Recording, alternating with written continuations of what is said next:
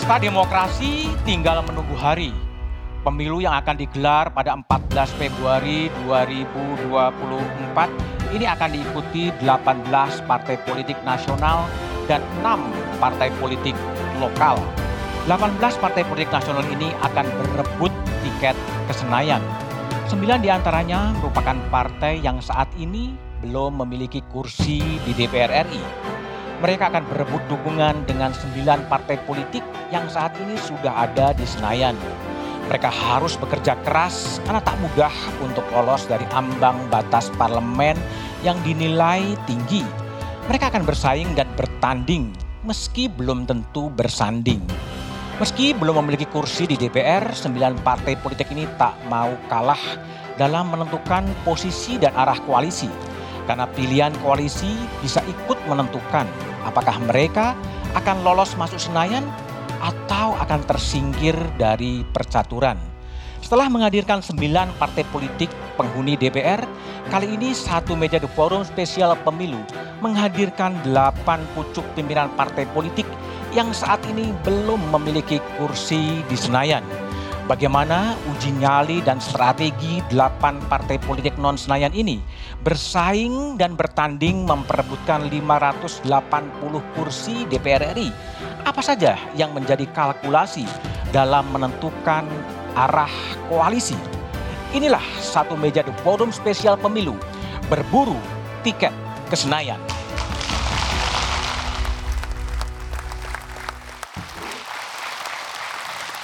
Malam ini saya ditemani dua orang panelis, Abdel Akrian, Cing Abdel, malam, seorang komedian.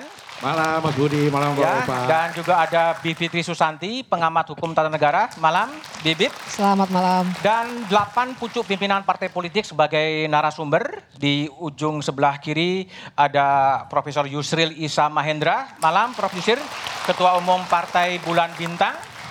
Lalu Fahri Hamzah, Wakil Ketua Umum Partai Gelora. Malam, Bang Fahri. Ada Mas Anas Urbaningrum, Ketua Umum Partai Kebangkitan Nusantara. Ya. Di sebelah kiri saya ada Mas Rido Rahmadi, Ketua Umum Partai Umat. Malam, Mas Rido. Lalu kemudian ada Presiden nih, Presiden betulan, Presiden Partai Buruh, Said Iqbal. Malam, Waalaikumsalam. Lalu kemudian ada Ketua DPP Partai Perindo, Mas Heri Budianto. Malam, Mas Heri. Dan kemudian ada Andi Budiman, Wakil Ketua Umum Partai Solidaritas Indonesia. Dan ada Mas Teddy Gusnaidi, Wakil Ketua Umum Partai Garuda. Saya juga sudah mengundang Partai Hanura, tapi pada malam ini belum berkeinginan untuk hadir. Sebelum saya memulai dialog pada malam ini, kita dengarkan terlebih dahulu cuplikan pidato kenegaraan Presiden Jokowi di sidang tahunan MPR siang tadi. Oke, Fahri Hamzah, bro. Jadi apa yang dibaca kode Pak Jokowi bahwa Pak Jokowi itu bukan lurah tapi presiden dan nggak mengarahkan partai politik terserah lah mau dukung siapa. Itu kalau Gelora gimana? Pak Jokowi itu memang tidak pernah bisa dibaca Tidak bisa dibaca. secara eh, sederhana ya. Dan selama ini memang ada kelompok yang menikmati ketidakjelasan Gimana ketidakjelasan itu? dari posisi Pak Jokowi Hah? untuk kepentingan mereka. Tapi belakangan mulai gelisah karena ketidakjelasan yang dikirim oleh Pak Jokowi tidak lagi menguntungkan. Tidak menguntungkan siapa? Ya mereka-mereka itu. Jadi kalau menurut saya biar aja Pak Jokowi tetap tidak jelas. Kok tidak jelas kan jelas sekali bro. Biar orang-orang yang mengambil keuntungan dari Pak Jokowi juga nggak dapat keuntungan lagi. Termasuk Kira-kira Gelora begitu gitu ngambil keuntungan. Kita kan belum merupakan bagian dari apa pemerintahan, tidak punya posisi di dalam parlemen ataupun di eksekutif ya. Eh, karena itu saya kira yang penting sekarang itu sikap kita terhadap memposisikan presiden. Oke. Presiden itu di fase-fase terakhir seperti ini harus diposisikan secara positif.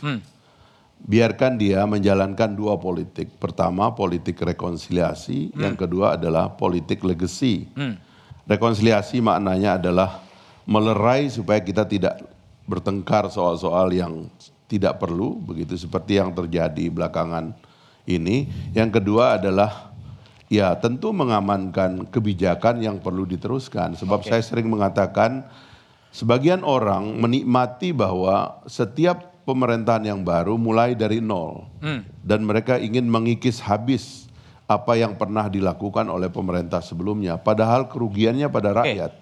Bayangkan kalau satu proyek mangkrak, misalnya kereta api cepat itu hampir 200 triliun. Berapa ya? Kalau itu mangkrak yang rugi kan bukan Pak Jokowi. Okay. Yang rugi juga bukan presiden yang akan datang tapi rakyat Indonesia yang meletakkan keringatnya dalam anggaran terpaksa hancur uangnya nggak jadi. Mangkrak. Oke, okay, baik Bro Fahri. Bung Andi Budiman, PSI ini Pak Jokowi tadi mengatakan jadi paten-patenan, alibi, mengatasnamakan. Nah, PS ini kan sering tegak lurus, tegak lurus gitu. Ini memang diarahkan oleh Pak Jokowi atau gimana? Uh, pertama, pidato tersebut harus dibaca pada dua level ya. Yang ah. pertama sebagai kepala negara, ini adalah komitmen dari presiden bahwa beliau tidak akan menggunakan kekuasaan untuk memenangkan salah satu kandidat. Dan itu memang adalah sesuatu yang kita inginkan. Hmm. Secara konstitusional, presiden harus bersikap netral, tidak membela siapa pun uh, di dalam kontestasi pilpres di 2024. Tapi tentu saja sebagai pribadi adalah hal yang sangat manusiawi kalau Pak Jokowi merasa ada kandidat yang paling dianggap bisa meneruskan apa yang menjadi legasi beliau. Karena di bagian lain pidato terlihat sekali sebetulnya ada semacam kekhawatiran dari Pak Jokowi dan ini bukan yang pertama kali ketika Pak Jokowi menyebut bahwa kita punya kesempatan untuk maju. Kita hmm. punya kesempatan untuk maju yang sangat besar Okay. Dalam 10 tahun pendapatan uh, per kapita itu bisa naik 153 juta rupiah. Dalam uh, eh, 15 tahun akan menjadi 200 sekian okay. juta rupiah. Dan kalau misalnya, kalau misalnya ini tidak kita manfaatkan, kalau kita salah dalam memilih pemimpin dan partai politik di 2024, maka bukan uh, tidak mungkin bahwa trek kemajuan yang sekarang ini sebetulnya sudah kita raih ini mungkin akan berhenti atau bahkan mundur. Okay. Nah ini yang tidak kita inginkan. Baik, baik. Prof Yusril, Prof, Prof Yusril ini kan pengalaman cukup lama di pemerintahan ya, pernah menjadi uh, apa uh, penulis pidato. Kalau Prof Yusril lihat tadi pidato presiden dalam sidang tahunan MPR ya, kelihatannya menjadi lebih uh, lepas, tidak terlalu formal. Prof Yusril lihatnya gimana tadi pidato ya, tadi? Uh, bahasa pidato presiden itu seperti di awang-awang. Di awang-awang? Ya, jadi ibarat manusia itu kepalanya nggak mentok ke langit, kakinya nggak nginjek bumi. ya, Maksudnya gimana Pak Yusril? Tapi ya bahasanya memang begitu. Jadi saya nulis pidato presiden itu satu bahasa yang uh, dimengerti oleh semua orang. Hmm. Jadi oleh uh, masyarakat kelas bawah dimengerti dan tidak ditertawakan oleh kaum intelektual. Jadi memang uh, ucapan-ucapannya itu kan berisi satu kebijakan dan memang tidak detail, tidak strict to the point.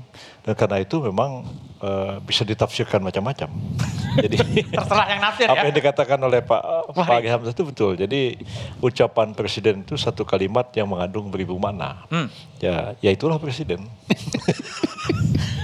Oke, Mas Anas, kalau Mas Anas lihat ya, tadi apa? Uh, meskipun Pak Jokowi mengatakan uh, dia itu sering diatasnamakan, pos apa fotonya sering berada di mana-mana. Kalau PKN melihat memang Pak Jokowi menjadi lurah dan mengarahkan siapa partai-partai itu berlabuh ke siapa ya? Pernyataan-pernyataan Pak Jokowi tadi itu menurut saya justru menegaskan bahwa posisi Pak Jokowi sebagai kingmaker. Kingmaker? Iya. Malah menegaskan itu? Menurut saya begitu, karena oh. dengan namanya dipakai, dipakai atau digunakan atau diatasnamakan meskipun kemudian pakai terminologi Jawa jadi paten-patenan paten -patenan. tadi itu, itu sesungguhnya menegaskan bahwa Pak Jokowi punya pengaruh besar hmm. untuk pilpres yang akan datang. Yang kemudian disimbolkan dengan Pak Lurah tadi ya? Ya itu kan sebetulnya bahasa yang sangat mudah dipahami buat para politisi bahkan kalangan kelas menengah perkotaan atau para peminat politik sangat mengerti hmm. istilah Pak Lurah itu. Dan yang Pak Lurah di mana-mana punya pengaruh besar. Hmm. Hanya soal pengaruh besar itu mau digunakan atau tidak. Oke. Okay. Kalau sekarang sudah digunakan belum? Sekarang sebagian sudah digunakan. belum digunakan semua. Belum digunakan sepenuhnya ya. ya. Mas Heru, Mas Heru, uh, Perindo kalau Perindo baca dan kemudian Perindo kan juga sudah menyatakan dukungannya, itu betul-betul karena kedaulatannya Perindo atau nunggu arahan dari Pak Lurah juga sebetulnya? Iya, kalau yang disampaikan dari yang dicuplik tadi, saya melihat bahwa Pak Jokowi menyampaikan betapa beliau itu memahami tentang politik kekinian. Karena apa? Karena pada bagian lain beliau katakan bahwa tadi fotonya dipasang bahkan sampai ke desa-desa, ya saya nggak ada masalah. Oke. Artinya tarik menarik gitu, kepentingan antara beberapa blok yang menginginkan dukungan dari Pak Jokowi karena kepuasan tingkat kinerja Pak Jokowi yang masih sangat tinggi, ini menunjukkan bahwa memang pengaruh sosok Pak Jokowi di pemilu presiden yang akan datang itu sangat kuat gitu, masih ada. gitu. Nah bagi Perindo sendiri, kami sudah menentukan sikap.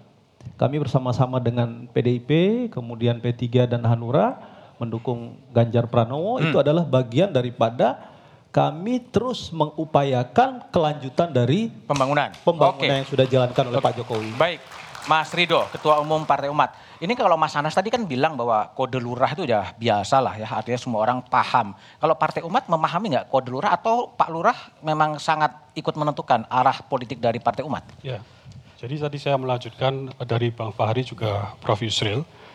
Jadi ini kurang jelas apa yang dimaksud. Jadi kita diajarkan juga dalam politik ini untuk membaca apa yang tidak dikatakan. Yang tidak dikatakan apa? Jadi ini kita tidak bertanya tapi dijawab, ya. Jadi seperti anak kecil kita tanya melakukan ini atau tidak sebelum sebelum sebelum kita bertanya lebih jauh sudah mengaku A dan seterusnya. Jadi seperti seakan-akan mengkonfirmasi yang kita khawatirkan tersebut yaitu cawe-cawenya Jokowi dalam hal pilpres. Oh. Jadi sekali lagi apa kalau stance Partai Umat ya dari awal kita sudah dalam beberapa kali forum mengatakan eh, Presiden Jokowi seyogianya harus pada eh, posisi yang di tengah. Ya. Jangan sampai gambar-gambar itu juga ada pada poster-poster capres-capres. Jadi jangan sampai cawe-cawe karena beliau adalah pimpinan tertinggi dari eh, Republik ini, memegang seluruh instrumen, seluruh sumber daya. Jadi apa yang dilihat beliau belum belum bisa dikatakan itu juga akan diikuti oleh bawahannya. Oke, baik. Bang Said, kalau Bang Said sebagai Presiden Partai Buruh yang menyuarakan aspirasi buruh, tadi Pak Jokowi kan mengatakan bahwa saya ini sering di atas namakan gitu. Nah, faktor Pak Presiden atau Pak Lurah dalam bahasa eh, Pak Jokowi, Partai Buruh akan merefer juga ke mana arah pendulum politik dari Presiden ke Capres 2024? Partai Buruh belum menentukan eh, siapa calon presiden ya, Hmm? karena kami harus melakukan konvensi calon presiden. Oh, belum? Melibat ya konvensi calon presiden sekitar September atau awal Oktober, dan kemudian nanti diputuskan di rapat presidium. Hmm. Mungkin Oktober atau awal-awal November baru kita putuskan. Kami tidak harus menentukan cepat atau lambat, karena pemilihan kepala negara bagi kaum buruh, petani, nelayan dan kelas pekerja itu ada tentang masa depan, tentang bagaimana kami mendirikan partai buruh terbangun karena ada omnibus law. Sehingga kami harus memastikan bahwa presiden yang kami pilih adalah presiden yang harus mencabut omnibus law. Oh, jadi Yang kedua, mem- memilih presiden yang harus mencabut, mencabut omnibus Omnibus law. Law, iya. Itu yang akan didukung oleh Betul. Partai Buruh. Betul. Yang Bung, kedua- bentar, Bung Teddy, kalau Bung Teddy lihat tadi gimana soal apa alibi atau pernyataan terbuka dari Presiden Jokowi bahwa saya bukan lurah tapi presiden, saya nggak mau cawe-cawe dalam urusan partai politik itu adalah kedaulatan partai. Kalau bagi Mas Teddy, posisinya gimana?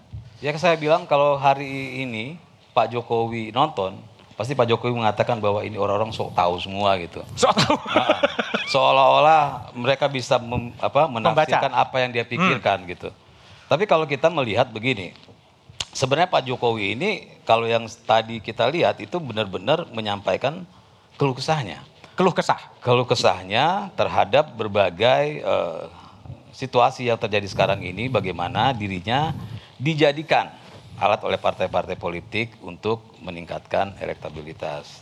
Tapi memang Pak Jokowi itu saya lihat apa adanya, karena bahkan cawe-cawenya pun dia mengakui Mengakui. mengakui bahwa memang dia punya hak untuk cawe-cawe gitu. Jadi saya melihat bahwa ini adalah sebuah eh, ungkapan yang jujur dari Presiden Jokowi sehingga tidak ada tafsir-tafsiran. Makanya saya yakin ketika Pak Jokowi eh, menonton acara ini dia akan bilang kalian sok tahu semua. Kalian sok tahu ya.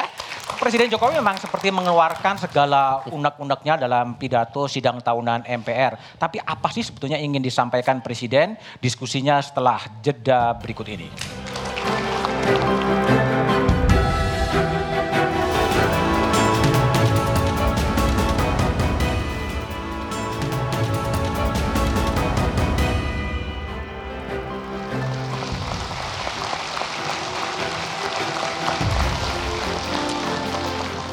Cing Abdel. Iya, Mbak Bibip. Soal lurah aja kayaknya rame ya. Kayaknya Iya. kalau jadi materi stand up comedy keren banget tuh. Saya nggak bisa karena di pasar Minggu Bu Lurah. Oh gitu Bukan Bu Pak Lurah, Lurah ya, ya. tinggalnya di Tapi Pasar ini Minggu. laki-laki semua nih Cing Abdel. Iya. Nanti kita cari ya yang perempuan ya. Iya, iya, iya. Tapi yang menarik gini loh, kan katanya ini juga duduknya ada pengaturan nih. Iya. Katanya begitu tadi. Apa diatur atau nggak diatur sih? Kayaknya pas ya. Kayaknya diatur tuh. Tapi sekarang ya melihat pidato presiden Iya. tadi, kayaknya ngaturnya kayaknya juga jadi salah nih. kayaknya harus ada ditukar-tukar gitu ya. Iya, iya, nah iya. menarik ya untuk melihat bahwa pidato presiden kan Iya. biasanya kaku, formal. Tadi Iya. kata Prof Yusril biasanya bahasanya juga memang ngambang. Nggak mentok langit, Nggak. nggak nginjek tanah. Gimana tuh ya? ngambang gitu ya. Ah, Kayak orang meninggal punya utang gitu dari Aduh, aduh, antara. Baina sama sama ini ya, sama eh, bumi gitu ya. Iya, tapi menariknya kan kita tuh biasanya kalau deket-deket pemilu nih Iya. ngomonginnya wah politik uang, Iya. sembako bagi-bagi. Tapi sekarang jadi ada indikator baru nih, Iya. pidato presiden. Tuh. Tuh gimana ya tuh apa tadi tuh ap- apa tuh kira-kira kalau Cing Abdul tuh melihatnya ngambang itu sebenarnya gimana tuh ya? Jadi kayaknya Pak Jokowi kayak sedang curhat gitu ya. Iya. Mungkin nanti Pak Jokowi bisa saya hubungkan dengan Mama Dede karena Mama Dede itu penerima curhat eh, Indonesia yang paling top lah dia ya. Iya, iya, iya. Tapi kalau menurut saya sih nggak apa-apa lah. Pidato diselipin curhat. Jangan lagi curhat selipin pidato, malah Iya, kita agak bingung. bener juga. Iya. Mendingan Iya, iya, selipin iya, iya. curhat di pidato gitu ya. Mungkin Mas Budiman bisa tanya lagi karena ada beberapa pidato ada atau curhatannya tentang hinaan pada dirinya itu belum dibahas di sini. Mungkin Mas Budiman bisa tanya kepada eh, narasumber yang lain, Mas. Oke, oke, Prof Yusril, gimana tadi ini ada kombinasi yang mungkin cantik atau enggak cantik atau kesalahan dari speechwriternya gitu? Ada curhat muncul dalam pidato formal di sidang tahunan. Kalau Prof Yusril lihat pesannya mau disampaikan ke siapa sih sebetulnya? Ya, zamannya sudah berubah ya. Zaman sudah berubah. Iya, kalau di masa yang lalu memang pidato presiden, eh, pidato ke negara itu sangat formal. Hmm. Apalagi Bung Karno ya, Pak Harto juga begitu. Hmm. Dan itu agak diulang pada masa PSBY. Tapi sesudah itu memang ya kalau Gus Dur ya pidato yang nggak ada teks. Orang lain yang baca. Eh, kemudian memang eh, belakangan ini memang eh, MPR dan lain-lain ya seperti dari segi pakaian aja kan kelihatan kurang begitu serius ya. Kurang kan begitu orang serius. pakai semua rapi begitu. Sekarang kan dengan pakaian warna-warni masing-masing, bawa pakaian daerahnya masing-masing. Jadi kita melihat ini sidang tidak lagi formal. Memang bagus sih dari segi mengangkat citra budaya kita yang Bhinneka Tunggal Ika dan sebagainya. Tapi eh, sifat formal dari eh, pertemuan itu menjadi kurang nilainya. Pidato pun sebenarnya eh, dia teks ya. Dan teksnya itu ketat, ya teksnya itu dijadikan pegangan Hmm. oleh semua orang. Dan biasanya juga zaman dulu ya pidato teks itu dimuat oleh semua media ya, media cetak sehingga menjadi pegangan bagi semua orang. Dan bisa melihat apa sih arah eh, yang akan dilakukan oleh presiden paling tidak satu tahun yang akan datang karena itu Oke. kan pidato APBN ya. Pidato formal ya. Ah, jadi sekarang ini kelihatan jadi seperti tidak jelas dan memang negara kita ini makin hari makin mengambang seperti itu. Makin mengambang. Oke, Bro Fahri. Jadi kalau Bro Fahri ini kan Fahri kan pernah menjadi apa eh, wakil ketua DPR ya. Kemudian udah pandai lah membaca apa peta-peta politik atau sinyal-sinyal politik. Dan Gelora kan sudah melabuhkan dukungan kepada Pak Prabowo Subianto. Itu juga membaca petunjuk Pak Lurah ya. Ya kalau kembali ke sidangnya dulu, saya dulu termasuk yang agak ngacak-ngacak itu ruang sidang paripurna itu, ya. Misalnya saya tidak terima kalau menteri itu duduk di samping, Hmm. lebih tinggi dari ada anggota dewan. Saya bilang suruh menteri-menteri itu duduk di depan presiden. Coba lihat sekarang kan, semua menteri kan duduk di depan presiden. Itu yang maksa saya itu Hmm. Supaya kelihatan inilah penyelenggara negara, inilah kabinet itu. Jadi memang yang disebut oleh Prof Yusril soal sifat formil itu memang to some extent ini juga persoalan dari apa namanya eh, melemahnya atau kurangnya ahli-ahli tata negara di sekitar presiden sebenarnya. Oke. Sehingga sebenarnya satu forum yang harus dibikin quote unquote agak kaku menjadi hilang kakunya itu. Padahal memang forum-forum seperti itu harus dibikin agak kaku gitu. Harus agak di kaku. masa depan. Tapi kembali ke pertanyaan saya. Tapi karena ini terjadi sekarang, saya kira ya kita membaca yang tidak jelas itu aja tadi nggak apa-apa. Biarin aja, biar orang nggak bisa ngambil untung gitu. Soalnya nanti kalau jelas banyak ngambil untung. Tapi gimana kalau Bro Fahri lihat ya, uh, yang sudah lumayan pengalaman di parlemen. Pak Jokowi seperti curhat ya, ngomong dibilang plonga-plongo, dibilang tolol, ya uh, ya nggak ngerti apa-apa. Itu dalam forum resmi. Sebetulnya di balik itu tuh ada apa dan pesan apa yang mau disampaikan? Saya merasa memang Pak Jokowi sedang mengalami fase-fase tekanan yang kuat sih ya. Tekanan? Ya. Presiden loh. Ya presiden ditekan karena sekali lagi ini ada soal ketidakjelasan sistem juga. Iya. Sebenarnya kita ini apa namanya eh, layakkah dalam setiap persoalan misalnya pergantian pemimpin dan sebagainya itu selalu mengasosiasikan apa-apa yang kita lakukan itu dikaitkan dengan presiden. Oke. Misalnya itu kan karena ketidakjelasan sistem tadi yang saya katakan. Sebenarnya Pak Jokowi itu milik siapa misalnya? Itu kan nggak jelas. Hmm. Ada partai yang menganggap itu adalah eh, apa eh, milik dia gitu. Padahal faktanya Pak Jokowi tidak merasa menjadi milik dari partai itu Oke. karena mendapatkan dukungan dari banyak Partai partai, lain. lain. dalam Oke. satu sistem yang kita tidak atur secara rigid tadi itu gitu. Itulah yang menyebabkan kemudian eh, ada serangan kepada Pak Jokowi sekarang karena dianggap ada kubu yang ngambil untung dari Pak Jokowi dan ada kubu yang merasa rugi oleh pengambilan keuntungan dari kubu lain begitu. Oke. Nah serangan itu diklirkan tadi oleh Bapak Presiden bahwa enggak saya enggak ada di situ. Oke, baik, baik. Kira-kira begitu. Oke, Bung Andi Budiman, PSI. Tadi Fahri mengatakan ada partai yang mengambil keuntungan ya dengan mendompleng atau membawa Presiden Jokowi. Nah, PSI ini kan paling sering nih tegak lurus, tegak lurus ke mana-mana ikut Jokowi, ikut Jokowi. Betul, PSI juga ngambil keuntungan. Enggak, sebetulnya eh, statement kami itu sebetulnya lebih ditujukan eh, sebuah sikap eh, bagaimana kami menghargai value, meng- menghargai visi yang sudah diletakkan oleh Pak Jokowi. Ah. Jadi sekali lagi kalau kita membaca pidato presiden tadi, sebetulnya itu memperlihatkan satu sikap percaya diri yang sangat besar. Percaya presiden diri? percaya diri, mengakui bahwa ada kritik kepada beliau dan beliau mendengarkan semua kritik itu. Memperlihatkan juga ada iklim kebebasan di Indonesia. Beliau mendengar, kemudian orang yang bersangkutan tidak eh, eh, dijerat dengan hukum dan lain sebagainya. Jadi ini adalah salah satu berkah demokrasi. Jadi pidato presiden itu adalah salah satu bentuk kepercayaan diri yang besar dari seorang presiden bahwa di Indonesia memang ada iklim kebebasan. Saya mendengar loh ada kritik, ada makian kepada diri saya dan itu nggak apa-apa. Karena nyatanya, kenyataannya, karena pada bagian lain Pak Jokowi itu memperlihatkan rasa percaya diri yang besar dengan memaparkan apa yang sudah dikerjakan eh, selama beberapa waktu Tapi kan terakhir. tadi Anda mengatakan apa demo, menghargai kebebasan dalam demokrasi. Tapi Pak Jokowi juga mengatakan bahwa demokrasi telah disalahgunakan untuk mencaci, untuk Betul. memaki-maki. Yang dikritik oleh Pak Jokowi itu adalah hilangnya keadaban. Dalam Hilangnya- soal itu kita sepakat. Dalam soal keadaban itu kita sepakat bahwa ruang publik ini terlalu banyak diisi dengan kebencian dan itu harus kita hentikan. Itu kita harus sepakat pada. eh, Tapi PSI nggak ngambil keuntungan dari Pak Jokowi kan? Eh, tergantung apa yang dimaksud dengan keuntungan tadi.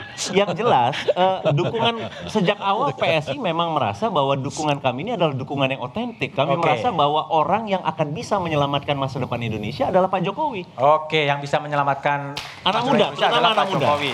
Mas Anas, jadi gimana kalau eh, Mas Anas melihat pidato Jokowi tadi, pesan itu mau disampaikan kepada siapa sih sebetulnya sampai di depan itu kan kelihatannya improvisasi ya, nggak ada di teks tapi kemudian dia semacam mengungkapkan lah eh, situasi kebatinan, isu-isu yang banyak di apa ruang-ruang publik. Ini pesan mau siapa kalau menurut Mas lihat? Menurut saya dari sisi tradisi demokrasi sesungguhnya presiden ingin menegaskan bahwa kritik itu boleh. Bahkan eh, pejabat publik dicaci silahkan. Itu bagian dari eh, risiko demokrasi.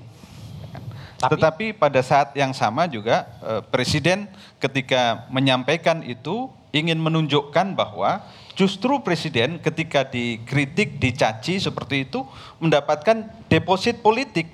Justru deposit politiknya tambah. Benefit politik ya? Benefit Oke. politiknya di, diterima justru mendapatkan benefit politik dari situasi seperti itu. Karena itu sikap presiden ya santai saja ketika dikritik plonga-plongo, dikritik apa tolol atau dikritik seperti apa, itu menurut saya justru dinikmati oleh Presiden Jokowi. Tetapi saya setuju pada saat yang sama Presiden sedang mengingatkan bahwa di dalam tradisi demokrasi yang keras pun harus mempertimbangkan nilai-nilai keluhuran. Di dalam menyampaikan kritik itu mesti ada eh, asas sopan santun. Sopan santun, keadaban ya. Keadaban ya. Oke. Eh, kesantunan timur segala macam. Itu poin yang menurut saya penting untuk kita garis bawahi. Tetapi pesan itu untuk siapa? Menurut saya ya presiden sekarang ini secara umum ya sedang meletakkan setidaknya kakinya ini di di di dua tempat. Di dua tempat. Prosentasenya seberapa Pak Fahri lebih tahu. Tetapi kira-kira posisinya seperti itu.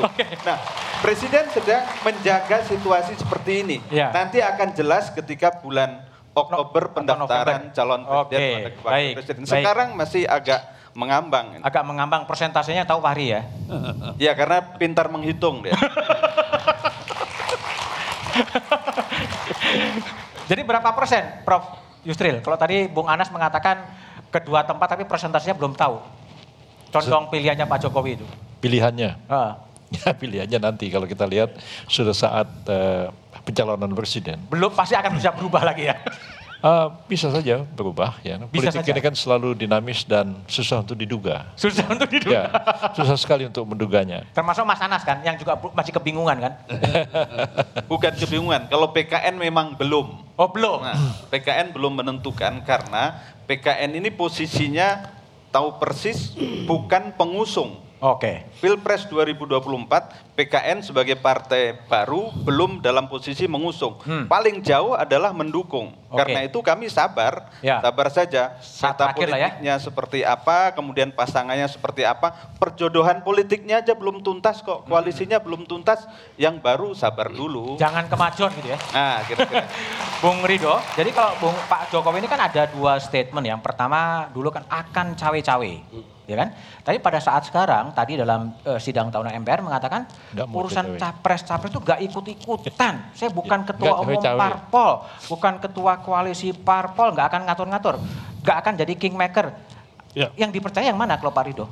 Eh, yang pertama ya. Yang pertama itu yang, Yang mana? pertama eh, akan cawe-cawe. Gitu. Akan cawe-cawe. Akan Artinya? cawe-cawe. Eh, dari berbagai macam gestur Pak Jokowi yang sudah dilakukan ya, dengan diturunkan anaknya bertemu tokoh ini dan tokoh itu capres-capres itu salah satu apa bukti indikasi yang kuat lah. Kan bahwa capresnya menemuin putranya. Ya, berbagai macam cerita lah kita bisa buat ya gitu. Nah, saya ingin apa eh, sedikit mengomentari tentang pidato tadi. Ya, jadi harusnya dalam eh, pidato kenegaraan ya itu eh, ini akan dilihat tidak hanya apa seluruh Indonesia, tapi juga luar negeri. Jadi harus mencerminkan juga high politics, politik yang adiluhung, yang adab, ya, yang yang tinggi. Jangan sampai ada hal yang yang yang less formal ataupun sampai cengengesan seperti Tapi kan ada dua pidato kan, pidato di depan MPR dan pidato soal eh, apa eh, APBN kan sebetulnya di DPR maupun di sana kan sebenarnya. Ya, ya, ya di mana pun itu kan formal semua. Ya. Hmm. Nah, seharusnya seharusnya mencerminkan ini adalah pimpinan tertinggi Republik ini, ya, termasuk yang dikatakan. Saya juga eh, sama konsennya. Sepertinya tim di belakangnya ini, ini mungkin eh, kurang memahami ya tata tata naskah dan segala macam yang seharusnya mencerminkan lagi sekali lagi politik adiluhung yang yang yang tinggi lah yang beradab. Gitu. Oke, kalau Partai Umat larinya ke mana? Untuk Untuk Capres 2024. di Rakernas kita sudah mendeklarasikan ke Pak Anies Baswedan. Anies Baswedan. Ya.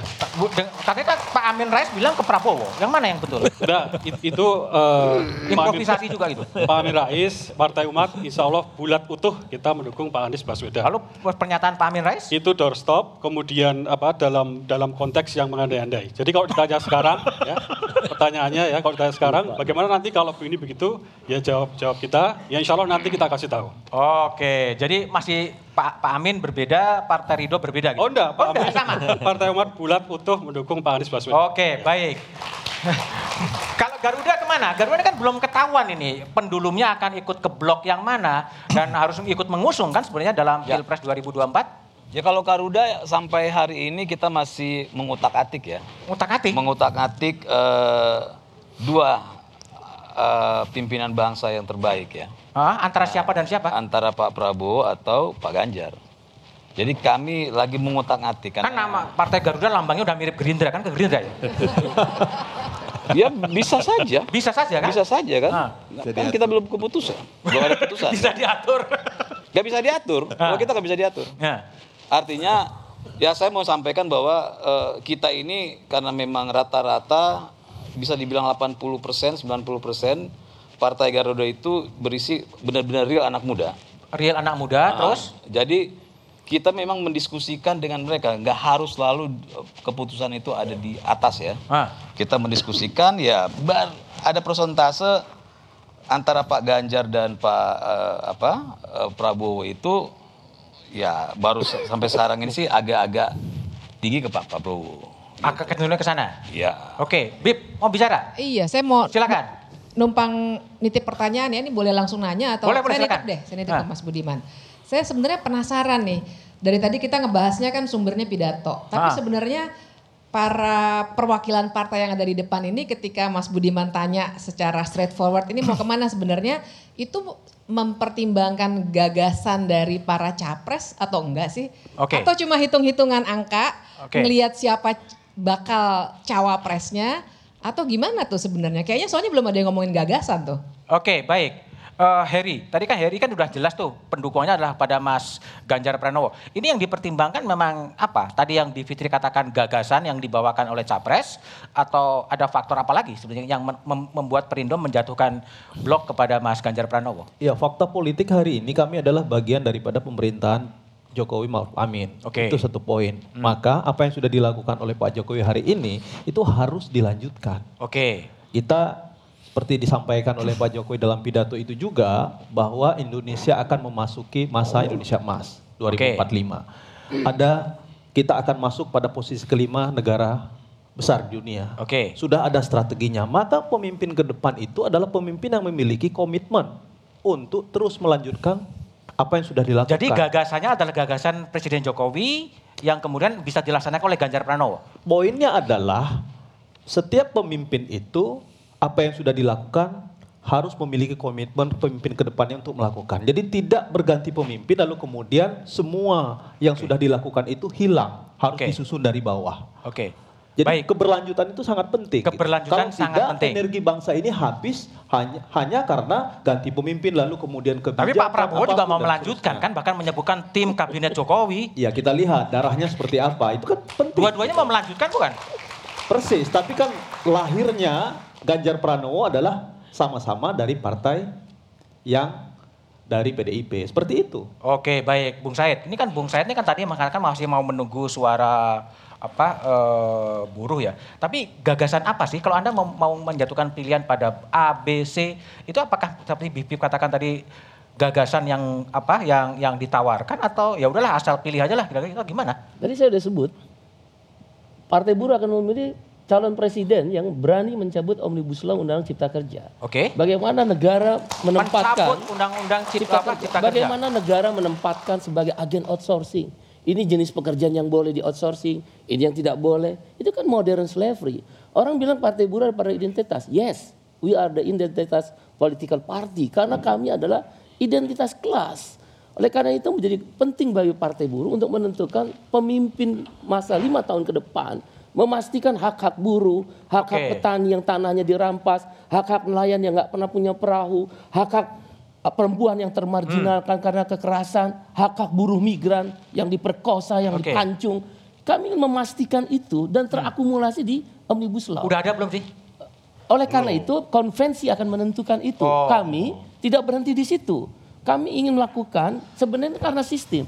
Apa yang dilakukan oleh Pak Jokowi hal yang wajar nggak? Wajar. Wajar. Karena sistemnya udah terjadi begitu. Oke. Kami menginginkan presidensial threshold 20% dihapus Oke, agar konkret setiap warga ya. partai politik mempunyai calon presiden.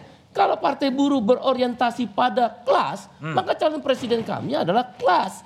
Itulah kita meminta agar negara memberi ruang. Hakim Mahkamah Konstitusi memberi jalan. Kalau dia udah jadi peserta pemilu, jelas kami beda kok identitasnya. Oke. Kami beda dengan partai Golkar, kami beda dengan partai PDIP. Karena apa? Apa yang menjadi orientasinya beda. Gimana kami mau pilih seorang calon presiden kalau dia pro outsourcing? Bagaimana kalau kami bisa cari calon presiden tidak ada ruang presiden yang ingin kami pilih dia pro kepada petani Oke. yang reforma agraria, kedaulatan pangan, semua ditutup dengan sistem ini. Jadi nggak salah kalau Presiden Jokowi melakukan itu karena apa? Sistemnya memang orang mencari ada gula, ada semut, ada elektabilitas, maka dia menjadi ruang untuk mendapatkan itu. Belum Oke. lagi lembaga survei yang menguatkan itu. Terus di mana orang-orang kecil ini menempatkan, menempatkan diri dalam ruang yang sudah dibuka menjadi peserta pemilu, mencari pemimpinnya. Oke, baik, baik. Ini ini uh, apa uh, konkret ya. Pertama adalah presiden yang mau mencabut omnibus law dan kemudian presiden Reforma agraria, reforma agraria lebih lebih konkret. Bung Abdel, silakan. Anda mau menanggapi kelihatannya. Ini saya cuma pengen tadi. nanya sebenarnya eh, bapak-bapak yang mendukung atau mengusung pak eh, capresnya, itu capresnya mau nggak sih? Anda nanya ke siapa itu? Iya siapa silakan Mas Budiman bisa. Capresnya udah mau maju gitu. Iya capresnya mau nggak sih didukung sama partai ini gitu? Ah. A- atau ada punya jadi, kewenangan jadi kan untuk- begini masalahnya kita ini memang sudah dibatasi jumlah capresnya. Ah. Jadi nanti kayak partai buruh ada kesulitan tuh kalau misalnya semua Iya, capres tidak menyatakan secara tegas akan men- mencabut omnibus law misalnya, Iya. berarti kan partai buruh harus golput. Itu persoalan kan. Memang kita sudah dibatasi. Ini sistemnya kayak begini. Sekarang kan ini kan waktunya tinggal sebulan. Ah. Kan yang ditanya itu kita main dalam apa namanya eh, koridor yang sudah ada ini karena nggak mungkin kita ubah. MK udah nggak nerima perkara lagi dalam situasi seperti ini. Jadi sekarang ini seperti kata Bung Anas tadi apa eh, tinggal pengusung atau apa tadi pendukung, begitu. Kita yang belum punya seat di parlemen di Senayan tadi yang judul pertemuan ini adalah eh, menuju Senayan tadi. Kita yang belum punya seat di Senayan kita akan menjadi pendukung. Kira-kira begitu. Nah itu disampaikan nggak ke? Oh harus gitu, harus ada kontrak juga nanti dengan mereka gitu. Pastilah mereka memerlukan dukungan. Ya. Lebih banyak, lebih baik tentunya karena jumlah orang yang bekerja buat capres itu akan lebih banyak begitu. Oh ya. Baik, terima kasih Pak. Udah puas ya. Oke ya, dari pidato kenegaraan Presiden Jokowi, kita akan beralih ke strategi 8 partai politik yang hadir malam ini untuk bagaimana nih mengutak-atik cara berburu tiket agar bisa mendapatkan kursi di Senayan. Kami kembali usai jeda.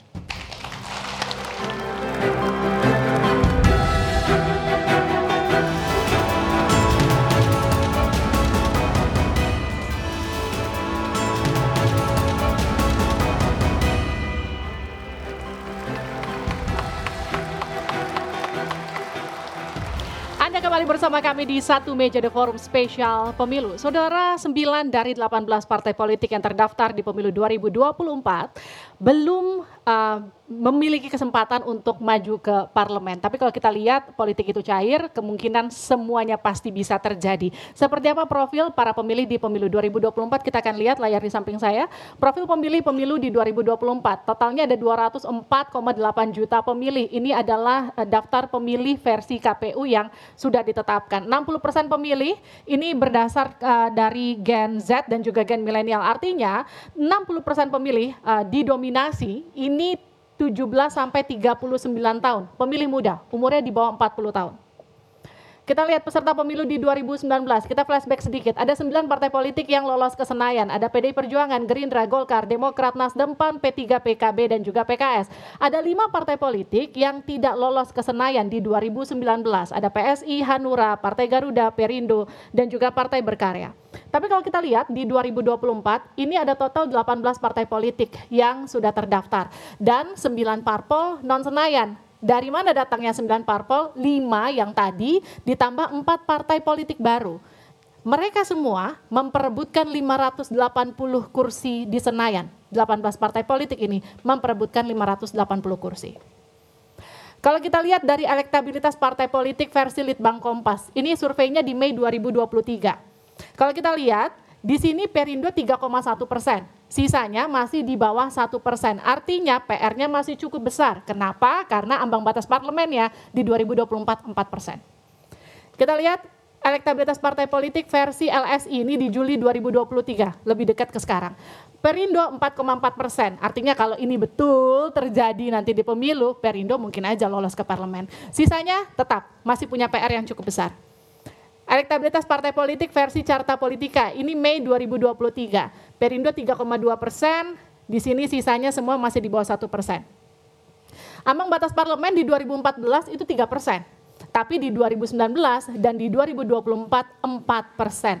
PR-nya masih cukup besar, tapi sekali lagi politik apa pun bisa terjadi. Yang jadi pertanyaan sekarang gini, PR-nya masih cukup besar, masyarakatnya sudah cukup tahu belum partai politik baru atau partai politik mana aja sih yang akan berlaga di pemilu 2024? Kita lihat ini dia kata masyarakat.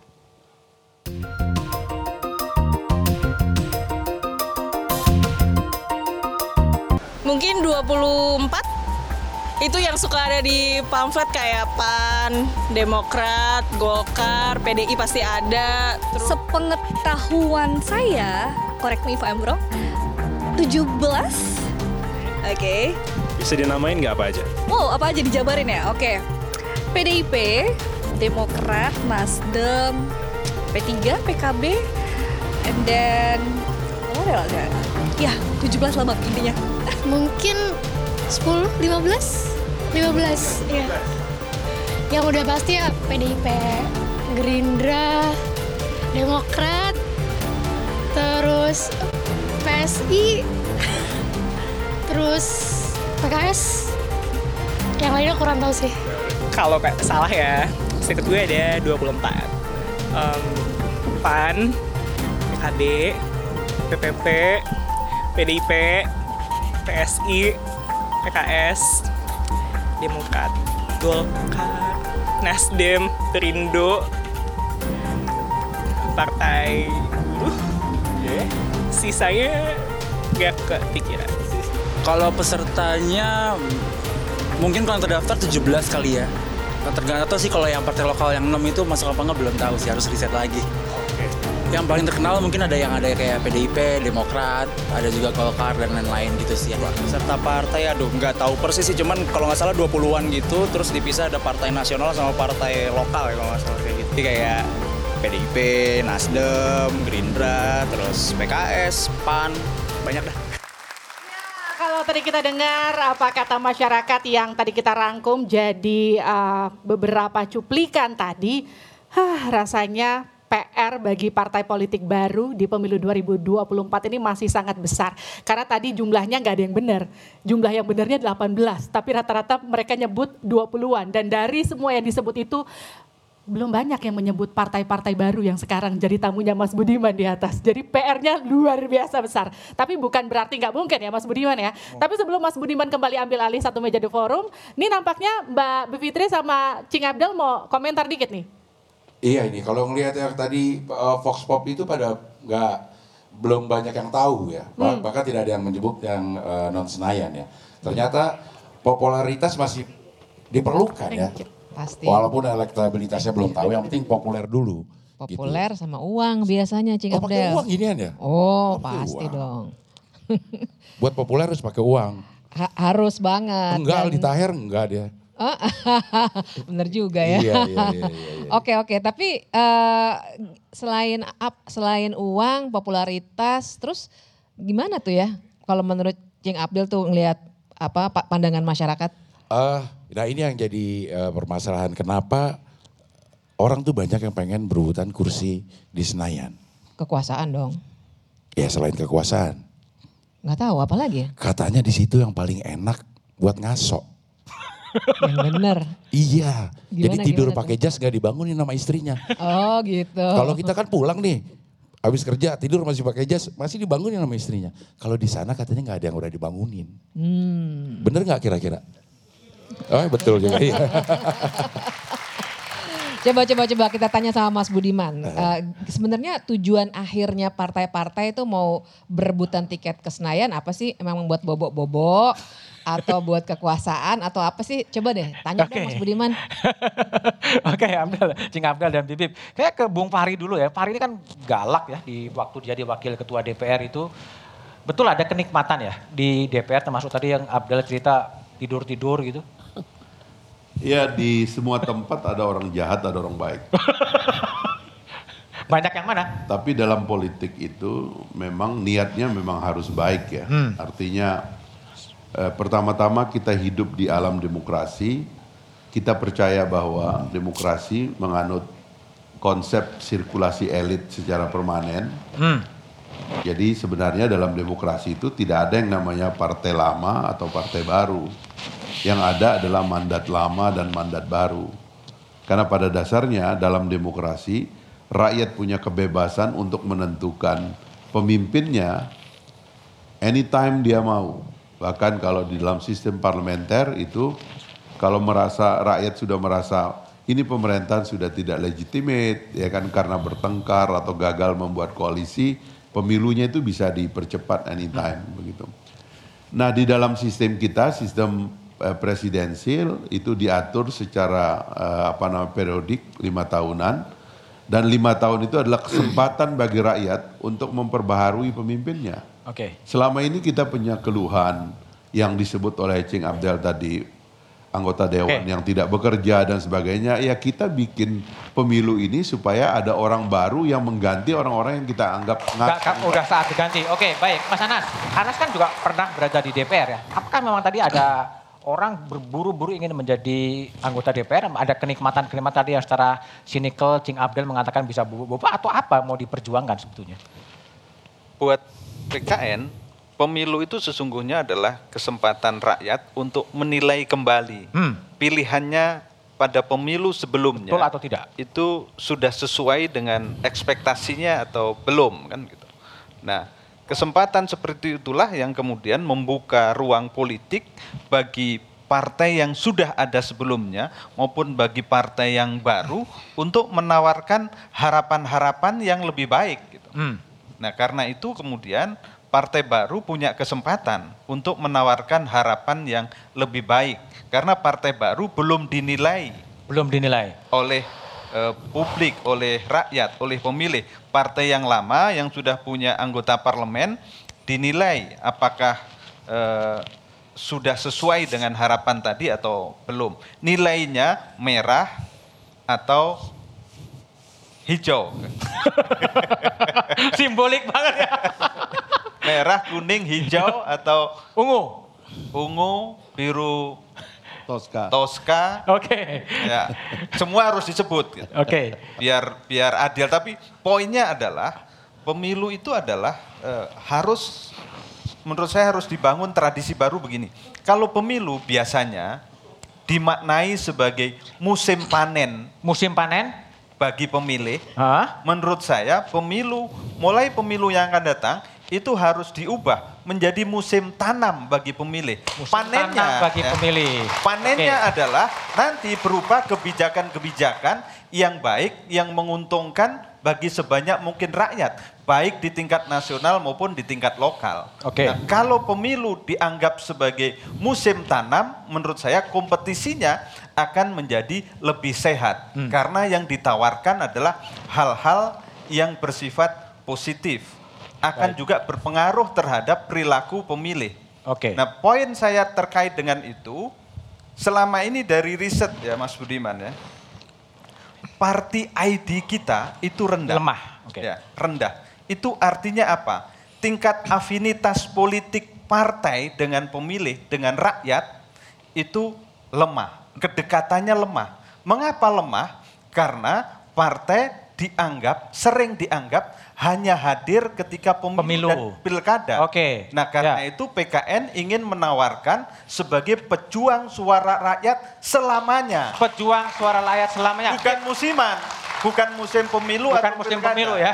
Nah, Oke, baik. Bib mau komentar, Bib? Iya, iya. Saya sangat tertarik dengan diksi musim tanam dan musim panen ini. Tapi begini, soalnya kan sekarang itu sistem di DPR tidak memungkinkan kita pemilih untuk tahu persis orang yang mewakili saya itu dia setuju nggak misalnya sama undang-undang cipta kerja. Oke. Dia setuju nggak dengan undang-undang kesehatan? Karena semuanya bukan one person one vote, tapi one, One fraksi fraction. one vote Oke. gitu. Nah tapi partai-partai baru nih sebenarnya punya nggak ide untuk mendobrak tradisi-tradisi yang menghilangkan musim tanam tadi Hmm. gitu. Idealnya begitu, tapi sistem kita tahu sistem pengambilan keputusan di DPR tidak seindah itu. Oke. Kalau misalnya delapan partai baru ini ternyata tidak punya visi untuk mengubah cara DPR bekerja lebih partisipatif dan lain sebagainya, ya kita lingkaran setan nih. Oke. Akhirnya ntar yang di sini juga akan sama ya. aja. Oke, Bung Said silakan direspon ini. Jadi ada musim tanam. Partai buruh mengedepankan satu aturan di dalam konstitusi kami namanya constituent recall. Konstituen recall. Jadi bukan lagi political party recall. Oke. Apa itu konstituen recall? Jadi konstituen bisa merecall, berhak merecall. Berhak merecall. uh, orang yang terpilih, Hmm. tapi nanti mekanismenya kita bikin. Oleh karena itu, Partai Buruh menawarkan gagasan konstituen recall adalah menjawab pertanyaan Mbak Bivitri Oke. bahwa si konstituen berkuasa atas orang yang dia pilihnya, Hmm. apakah bekerja sesuai janjinya, apakah bekerja sesuai dengan apa yang ingin diharapkan oleh para konstituen recall itu. Itulah tawaran Partai Buruh. Oke, baik. Kalau Partai Umat, Mas Ridho, gimana menanggapi apa eh, statement dari Bibip tadi? Ya, jadi eh, apa tentang eh, mengapa Senayan itu ya. Jadi ya lewat lewat Senayan inilah kita bisa mengubah eh, apa undang-undang ya bersama pemerintah. Jadi untuk melahirkan kebijakan dan lewat kebijakan sebagaimana semangat Partai Umat adalah untuk melawan kezaliman menegakkan keadilan multidimensional. Hmm. Nah, ini ini yang yang apa berusaha dibuka jalannya oleh Partai Umat. Nah, eh, salah satu ya yang yang apa yang perlu kita lihat eh, selain contoh dari tadi apa Bang Said terkait UU Cipta Kerja adalah tentang eh, kehidupan digital kita. Ini saya agak-agak sedikit bergeser tapi masih relevan. Ya, pendek aja tapi kalau Ya, kehidupan digital kita ini, kita ini benar-benar telanjang. Ya, artinya telanjang dalam arti terhadap pornografi, terhadap Oh. konten negatif, Hmm. terhadap homogenisasi budaya dan segala macam. Yang lebih parah lagi, kita membiarkan ya dari asing, ya dalam hal ini adalah China, untuk membangun pusat data. Hmm. Ya, ini ini adalah pintu awal dari penjajahan digital. Jadi China itu bersaing Ya. dengan Amerika, dengan Oke. Uni Eropa untuk memaksakan standar apa regulasi digitalnya eh, kepada Oke, negara baik, lain. baik. Itu Jadi lebih- ini contoh yang harus ya, kita anu- perjuangkan. Dan Ya. itu akan diperjuangkan oleh Partai Umat Ya, ya. ya, Oke, baik. Prof Yusril, tadi gimana nih eh, apa namanya kritik dari eh, Bibip termasuk ya ada record-record dari partai itu yang nggak ketahuan sebetulnya. Ini recordnya terhadap eh, undang-undang omnibus seperti apa, terhadap korupsi seperti apa. Nah PBB dalam konteks perubahan sistem menawarkan seperti apa agar ada modernisasi dalam partai politik sebetulnya. Iya, masalahnya kan sering kali partai itu seperti kami merumuskan satu program yang sebenarnya cerdas ya untuk melakukan satu perubahan sistem politik yang ada sekarang ini hanya kadang-kadang tidak eh, sepenuhnya dapat dijangkau oleh masyarakat Hmm. pemikiran-pemikiran kita itu. Nah kesulitannya kita juga sebagai orang yang berada di luar untuk mendobrak sistem itu sulit, Sulit. kecuali memang kita ada di dalam. Hmm. Dan mereka yang sudah ada di dalam itu memagari Nggak mau. Eh, ya, untuk bisa masuk sebenarnya kan bisa contoh punya pilpres saja kan, ya ditun- bikin peraturan 20 persen, ya. Dan sekarang ini lebih aneh lagi, 20 persen hasil pemilu sekarang dipakai untuk lima tahun yang akan datang. Kasih lama ya. Dan kita itu seperti memagari, ya Oke. seolah-olah yang bisa jadi presiden itu hanya orang dari partai ini, dari partai ini begitu. Dan itu kesulitannya. Padahal konstitusi kita tidak mengatakan demikian. Sebenarnya setiap partai politik peserta pemilu dia berhak untuk mengusulkan eh, pasangan calon presiden. Tapi PBB kan pernah berada ke parlemen ya Yusril ya. Ya. Susah juga berjuang untuk mengubah itu ya. Susah karena kita berada di luar. Dan kadang-kadang kita melakukan perlawanan melalui Mahkamah Konstitusi. Kalah itu juga. sesuatu kalah juga. Oh. Ya, Jadi apa yang kita, kita mendobrak. bisa kamu ngubah? Ya, sebagai partai tentu kita harus berjuang melalui cara-cara yang sah dan Konstitusional. konstitusional. Kecuali kita mau berontak begitu, terus bawa pasukan masuk dalam hutan itu lain cerita. kita Oke, uh, bikin partai lagi. Oke, Bung Andi, ini banyak kritik ya. Partai itu kadang-kadang juga tadi ya musiman ya meskipun Pak Hanas berjanji akan hadir sepanjang sepanjang lima tahun. Tapi kritik kan apa eh, tingkat ketidaksukaan pada partai politik kan besar juga terhadap parlemen tingkat itunya juga rendah juga. PSI gimana akan menawarkan apa sebetulnya? Nah, terima kasih ingin menjawab pertanyaan Bibip tadi ya. Jadi kalau orang bertanya ngapain sih PS ini, apa sih yang mau mereka kerjakan gitu ya. Paling gampang itu lihat apa yang kami kerjakan di Jakarta. Oke, yang udah ada. ya? Fraksi DKI eh, fraksi PSI di DKI Jakarta. Karena kami punya kekuatan yang relatif cukup baik dibandingkan dengan daerah lain ya, eh, kekuatan PSI. Di Jakarta paling tidak fraksi kami itu berhasil menyelamatkan ratusan miliar uang pajak rakyat. Kami percaya bahwa esensi dari politik itu adalah soal anggaran. Bagaimana orang yang diberi amanat mewakili masyarakat itu bisa menjaga uang rakyat. Dan itulah yang kami kerjakan di Jakarta. Oke. Ratusan miliar rupiah uang rakyat kami selamatkan. Hmm. Kami persoalkan anggaran-anggaran eh, yang aneh dan kemudian itu yang menyebabkan beberapa teman wartawan sih bilang katanya sejak ada PSI Kebon Sirih lebih seru dari Senayan. Oke. Mereka heran. Nanti kalau kenapa, PSI masuk kena- Senayan, kena- kena- kenapa Senayan kenapa, kenapa Senayan yang mengurus uang 3000 triliun hening, tidak ada tidak tidak ada Kenapa? ribut-ribut. Saya nggak tahu. Tapi di DKI Jakarta, kami sebagai kekuatan oposisi mengambil peran yang sangat efektif untuk menjaga anggaran, menjaga uang rakyat, dan itulah esensi dari politik. Oke. Dan eh, sekali lagi eh, di dalam eh, kalau ditanya bagaimana cara untuk eh, mendekatkan eh, wakil rakyat dengan para konstituen di DKI Jakarta dan ini juga ingin kami lakukan kalau kami diberi amanat untuk lolos ke Senayan. Kami di eh, pembahasan rapat tata tertib di awal eh, eh, apa namanya eh, rapat DPRD, kami mengusulkan agar tidak boleh ada rapat tertutup. Oke. Seluruh rapat itu harus dibuka, disiarkan secara langsung dan hasilnya diupload di kanal YouTube. Itu adalah bentuk transparansi. Sehingga apa yang menjadi kecemasan Mbak Bibip tadi bisa terjawab. Kita akan tahu siapa mendukung undang-undang mana, siapa yang eh, menolak un- eh, peraturan yang mana. Jadi atau bahkan kelihatan siapa yang tidur di ruang sidang. Oke. Jadi sekali lagi itu yang akan kami kerjakan. Hmm. Eh, paling gampang kalau orang nanya apa sih keinginan PSI, ya gampang aja paling lihat apa yang kami kerjakan di DKI Baik, Jakarta. Bung Teddy, kalau Partai Garuda menghadapi tadi Bung Said mengatakan ada constitutional recall, lalu kemudian record yang lebih terbuka, PSI juga mengatakan lebih lebih terbuka, semua rapat terbuka. Kalau dari Garuda apa yang ditawarkan? Ya, jadi kalau dari Garuda ini sebenarnya sudah dari tahun lalu ya. Kami sudah sosialisasikan eh, ke daerah bahwa kita ini sebenarnya adalah produk-produk orang-orang yang muak ya. Muak? Muak dengan kebanyakan para caleg yang datang eh, menjanjikan sesuatu setelah jadi jangankan janjinya ditepati, dihubunginya susah. Ya. Curhat nih. Enggak, enggak, enggak. Kita ini memang adalah bagian dari masyarakat yang muak melihat hal itu. Jadi dari tahun lalu karena kita takut terbentur dengan aturan main, Bang Budiman, jadi kita ini sudah eh, menyampaikan ke, se- ke semua DPD kami, ke di DPC kami, dan itu sudah disetujui bahwa ke depan, ya dalam kampanye nanti kita akan mengatakan bahwa jika ya wakil rakyat dari Partai Garuda tidak menepati janji, maka kami ganti. Ganti? Ganti. Recall? Ya. Oke. Kenapa? Gini. Jadi, eh kenapa kami mengatakan begitu dari tahun lalu? Makanya kalau sampai sekarang saya sampaikan nggak apa-apa, karena kan ini live ya. Jadi, kita nggak berani dari kemarin itu untuk melakukan hal itu. Kenapa? Karena kan kami akan terbentur dengan aturan main. Oke. Jadi ke depan kami semua menyatakan bahwa caleg-caleg kami ketika turun itu menyerahkan nomor handphone dan Oke. alamat email.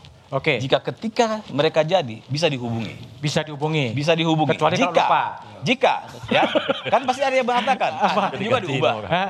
Kami Di politisi hotline. itu ada Ya, WA ya. gitu loh masalahnya. Jadi, jadi kami ya kami di di pusat itu punya hotline khusus. Oke. Ah, jadi ketika Tapi ada yang terima, kan? eh, ada wakil rakyat yang tidak melak- melaksanakan janjinya, Ah. maka kami Oke, baik. Bung Heru, Perindo. Tadi kan banyak strategi untuk oh, Bung Heri, ya, Bung Heri. Jadi gimana? Eh, apakah tadi seperti Bung Said atau Bung eh, Andi Budiman? Perindo gimana? Iya, kalau Perindo kan real ya. Dari Real. hasil survei tadi sudah bisa dilihat. Kami Ah. belajar dari satu kali ikut pemilu tahun 2019. Waktu itu Perindo dapat 2,67 persen. Oke. Hanya kurang 1,3. Hmm. Lalu kemudian tahun 2021 dua tahun kemudian itu turun drastis menjadi satu persen. Kemudian tadi kita bisa lihat sekarang naik Oke. bahkan ada yang 4 persen. Kami optimis kami akan ada di Senayan. Untuk menjawab pertanyaan Mbak EVT. tadi, saya kira poin lah Perindo adalah partai yang tidak punya beban masa lalu. Tidak punya beban masa lalu. Optimis kita dan saya kira semua teman-teman yang di sini ada delapan, kecuali mungkin PBB ya, Prof pernah ada di Senayan setelah reformasi, lalu kemudian kan tidak ada. Saya kira partai ya, partai ini nggak ada beban masa lalu. Layak masyarakat Indonesia mempercayakan kepada kami-kami yang ada di sini untuk duduk di Oke, Senayan. baik. Hei. Dari Senayan kita ke pemilu presiden karena delapan partai politik non Senayan ini beda pilihan soal pasangan capres dan cawapres. Bahkan ada yang belum menentukan pilihan. Apa alasan dan tujuan partai kami hadirkan setelah jeda berikut ini.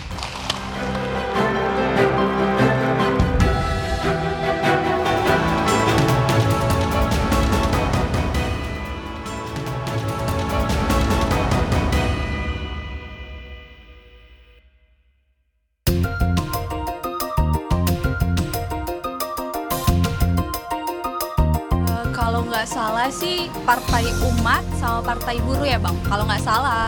Partai baru sih kurang banyak tahu. Tapi kalau dulunya yang partai-partai baru seperti Partai Buruh ya itu dulu ada. Tapi sekarang nggak. Rasa masih ada entah enggak ya. Tapi sekarang nggak tahu siapa orangnya kan gitu.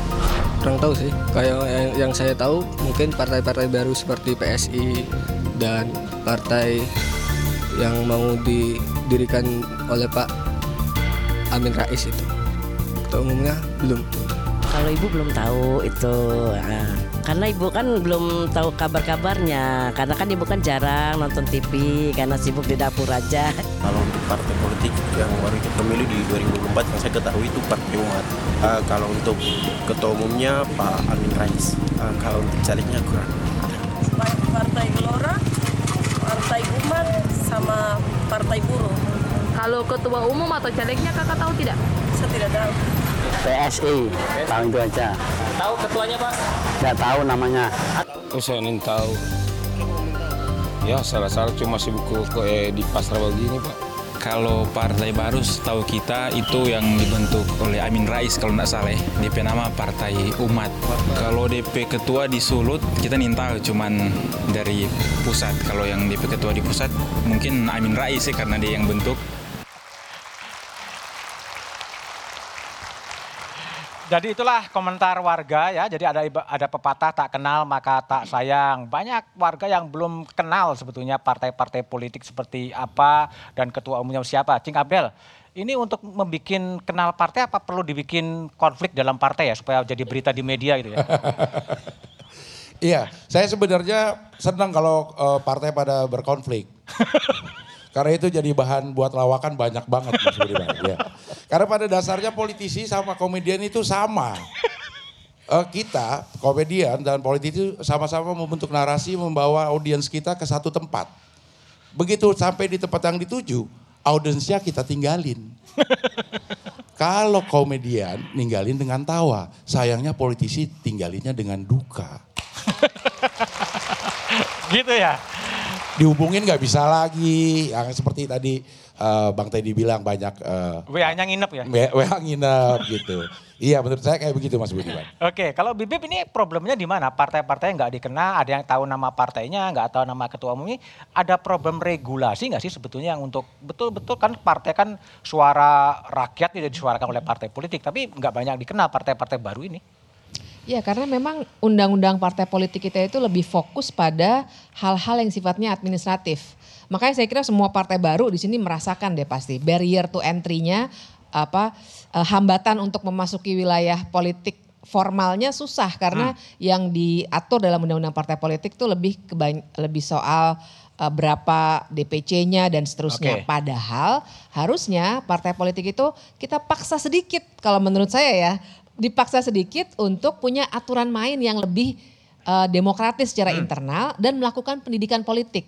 Jadi nggak cuma mendatangi calon pemilih menjelang pemilu seperti ini, tapi dalam lima tahun itu diajak dialog, didengar aspirasinya. Oke. Ini kan yang jarang dilakukan oleh partai politik kita. Jarang dilakukan oleh partai politik. Kita coba tanya, Bung Rido, tadi ah, dikenal partai umat gitu, tapi yang dikenal Pak Amin Rais gitu. Bu- Bukan belum belum menjadi ketua umumnya. Gimana Anda strateginya nih nanti kemudian? Ya pertama memang ini tantangan di era apa digitalisasi. Jadi ada seliweran data setiap hari 2,5 dua setengah kuintillion sekian banyak data. Jadi bagaimana kita menyampaikan eh, informasi ini suatu tantangan yang yang cukup berat.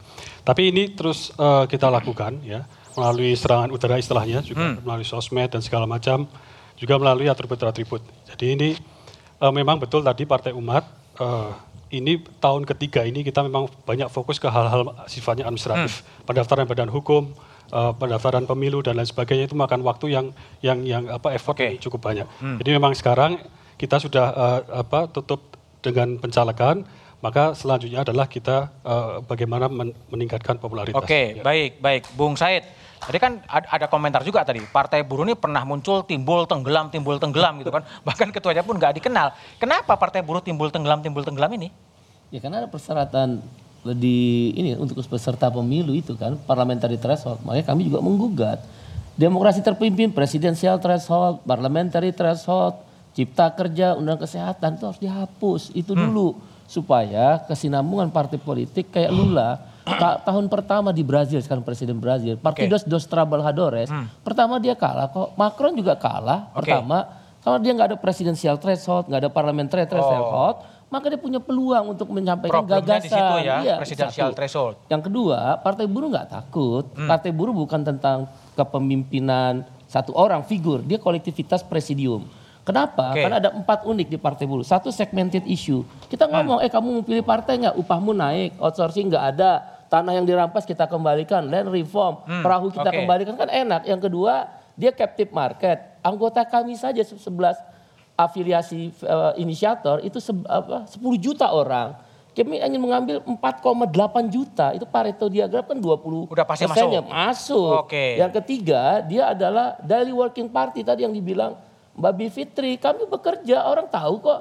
Serikat Buruh KPBI, KSPSI, KSPI, dia bekerja terus. PHK, siapa yang ngebela? Kalau kamu apa namanya pesangon siapa yang ngebela? Makanya kami akan main di segmented captive market itu. Captive Nah, market, baru yang pekerja keempat, buruh iya, ya? Beriur. Kami bukan partai Iuran ya? cupong, bukan partai dinasti, nggak ada kami tunduk sama siapa pun. Oh. Karena kami mengiur diri kami sendiri dan di serikat buruh itu udah terbiasa. Oke, Makanya baik, kita ke- baik. akan kedepankan. Ya, Mas Anas, tadi kalau dari eh, apa eh, survei bukan survei lah, omongan acak di eh, warga PKN belum banyak disebut loh. Betul. Itu gimana mau mau mau PKN itu Senayan? PKN itu di antara berdelapan di sini yang memang paling bontot. Paling bontot. Paling muda. Baru kira-kira setahun. Hmm. Nah saya kira-kira baru sebulan lebih lah ya. Tapi ada waktu kira-kira enam bulan ke depan ini untuk nomor satu sosialisasi PKN sekaligus caleg-calegnya bekerja di dapilnya masing-masing. Tentu dengan cara konvensional dan non konvensional.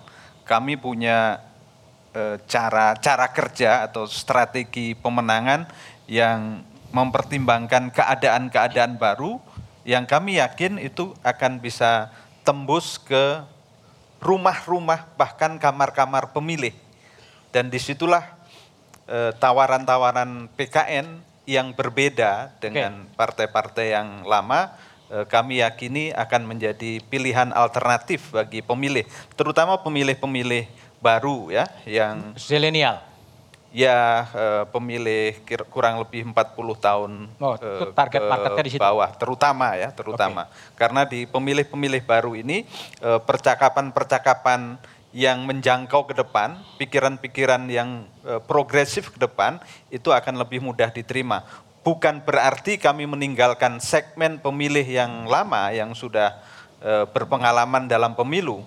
Tetapi biasanya pemilih-pemilih lama memang punya memori politik yang relatif melekat dengan eh, partai-partai lama. Itu juga tetap menjadi sasaran kerja dari kerja-kerja politik partai maupun para caleg.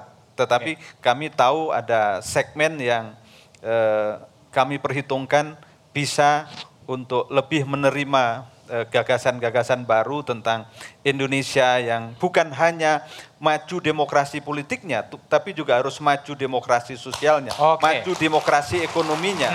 Di situ ada kesetaraan. Karena Indonesia yang Nusantara itu harus dibangun dengan kesetaraan atas nama apa pun, sukunya, agamanya, asal Setara. daerahnya, Oke. Apa pun itu harus berposisi setara di hadapan negara, di hadapan pemerintah, hak-haknya harus dijamin sama. Oke. Tidak boleh ada yang Baik. dipinggirkan. Baik. Tidak boleh ada yang Baik. dipinggirkan. Oke, Prof Yusril, tadi kan PBB kan pernah berada di Senayan, ya, kemudian eh, terlempar keluar, gitu kan. Nah, sekarang apa yang akan dilakukan oleh eh, agar bisa kembali ke Senayan? Tadi kalau lihat apa wawancara secara acak, terlalu banyak atau malah belum ada yang menyebutkan eh, PBB sebagai partai baru yang kemudian ikut lagi. Strateginya gimana, Prof? Ya, memang dia bukan partai baru. Ya, PBB itu ikut pemilu sejak 99 Ya. sampai sekarang. Ya. Dan eh, infrastruktur partai itu lengkap dari atas sampai ke bawah. Yang kami lakukan sekarang ini sebenarnya melakukan eh, konsolidasi internal dan kemudian juga eh, perluasan keanggotaan. Sehingga kemarin pada waktu dilakukan verifikasi partai politik tidak menghadapi hambatan apa pun. Dan kemudian juga seperti kita ketahui sekarang ini pilpres dan pileg itu disatukan dan itu baru satu kali terjadi. Rakyat itu sudah susah membedakan Oh. antara pileg dengan pilpres, ya, sehingga dalam pemilu lima tahun yang lalu eh, perhatian orang itu kepada eh, pilpres. Oke. Anda partai Anda calon presidennya siapa? Dan kami menyadari ada kesalahan kami dalam Hmm. uh, memutuskan hal ini beberapa waktu yang lalu. Karena pikiran orang itu pilpres dengan itu satu begitu. Dan karena itu ya, sejak awal kami telah memutuskan ya siapa uh, calon presiden yang kami uh, usung dan kami dukung. Uh, berdasarkan uh, suara yang dimiliki oleh PBB dalam pemilu yang lalu. Dan uh, ketika kita uh, maju dalam pilpres ini kita sudah jelas sebenarnya siapa calon presidennya dan ada kecenderungan ya bahwa kalau calon presidennya A ya maka partai tiga partai pendukungnya itu juga akan terdongkrak naik ke atas kalau Oke, dia kotel menang. efek ya. Ya, Oke, kalau dia baik. kalah ya risikonya kita. Bung Andi Budiman, PSI. Ini kan eh, tahun lalu pernah ya apa pemilu lalu pernah ikut dan kemudian belum berhasil ya. Tapi kalau tadi lihat dalam eh, wawancara juga mengatakan PSI dikenal tapi ketuanya nggak dikenal gitu kan. Lalu strateginya gimana? Apa sering ganti-ganti ketua terus di gimana? Enggak, tentu enggak begitu Mas Bud. Jadi sebetulnya ini hal yang wajar ya. Jadi apa yang kita lihat tadi eh, itu adalah resultante dari kekecewaan politik masyarakat terhadap politik. Orang itu kecewa terhadap politik dan itu terkonfirmasi lewat berbagai hasil survei. Kecewa terhadap politik. Terhadap politik. Dan Hasil semua lembaga survei itu memperlihatkan bahwa partai politik dan DPR itu adalah lembaga yang paling tidak dipercaya oleh publik. Hmm. Dan itu adalah PR yang diwariskan kepada kami, partai-partai yang relatif Oke. baru ini, sehingga bagi kami itu sulit menjelaskan tentang politik kepada masyarakat. Hmm. Orang keburu apatis. Dan sebetulnya ini adalah salah satu hal yang sangat berbahaya. Hmm. Karena kalau misalnya masyarakat, rakyat, terutama anak muda, apatis terhadap politik, maka kita akan mengalami satu involusi yang akan mengakibatkan orang semakin kehilangan harapan pada demokrasi, pada politik. Di negara seperti Pakistan dan Afghanistan, ketika anak-anak muda eh, setiap lima tahun mereka melihat ada presiden atau perdana menteri terpilih atau ada wakil rakyat terpilih, kemudian mereka ke- kecewa karena eh, wakil rakyat atau orang yang mereka pilih tadi terlibat korupsi, di penjara dan lain sebagainya, tidak memikirkan atau tidak eh, mendengarkan amanat eh, amanat rakyat. Akibatnya apa? Mereka bisa menoleh pada ideologi lain di luar demokrasi. Orang kehilangan harapan pada demokrasi itu pada titik tertentu akan menjadi eh, akan mengakibatkan dampak yang besar yang buruk bagi masa depan Indonesia. Oke. Karena itulah saya pikir kehadiran partai-partai baru ini penting untuk terus memelihara harapan memelihara harapan rakyat bahwa perbaikan politik itu masih mungkin dan bisa dilakukan. Oke, baik. Bung Teddy, sebelumnya pernah ikut dalam pemilu dan belum berhasil. Nah, strategi sekarang untuk bisa masuk ke Senayan ini gimana? Strategi menggunakan kekuatan Partai Garuda sendiri atau terhadap bakal calon presiden ya yang akan didukung oleh partai berharap kotel efek atau limpahan rezeki lah, limpahan rezeki suara dari capres yang akan diusung. Ya, kita ini kan udah kerja dari kemarin ya. Jadi kalau bisa dicek, Partai Garuda belum menjual ya. Belum menjual apa? Menjual capres-capresan ini kan sampai detik ini. Oh, belum belum punya ya? Ya. Jadi kenapa? Karena memang kita lebih fokus untuk sosialisasi ke masyarakat. Begini eh, Pak Budiman, bahwa kita ini sebenarnya bukan berkampanye. Bukan kampanye? Ber- bukan berkampanye ke bawah. Jadi kami hanya memberi informasi kepada masyarakat Oh, bukan kampanye memberi informasi Gini gini ya? gini gini. Bahwa kalau kampanye itu konotasinya udah negatif. Oh, kampanye Ya? negatif. Jadi kita ke masyarakat itu kita kasih tahu karena masyarakat sampai sekarang tidak tahu apa sih fungsi wakil rakyat. Hmm. Kalau kita tanya, kita tanya tuh di daerah, mereka pikir apa ya? Rata-rata nggak ini, tapi mereka sudah negatif terhadap caleg. Itu fakta ya. Bahwa, bahwa kami pun merasakan hal itu ketika datang, datang caleg, ketika kami belum di partai ya, jabat-jabat dulu, itu kita udah menganggap ah ini nanti apa namanya omong kosong setelah Samimawon. itu selesai gitu kan. Oke. Nah jadi kita harus menyampaikan kepada masyarakat selama ini bahwa ini loh tugas wakil rakyat ini loh Oh, menjelaskan fungsi-fungsi menjelaskan ke tugas eh, wakil fungsi. rakyat. Nah, Dari situ itu bagian dari janji Pak Budiman. Hmm. Sehingga yang tadi saya sampaikan bahwa ketika mereka akhirnya mengetahui masyarakat mengetahui oh iya oh ternyata selama ini banyak caleg yang sebenarnya menyampaikan janji itu malah sebenarnya janji kepala daerah. Ini banyak terjadi.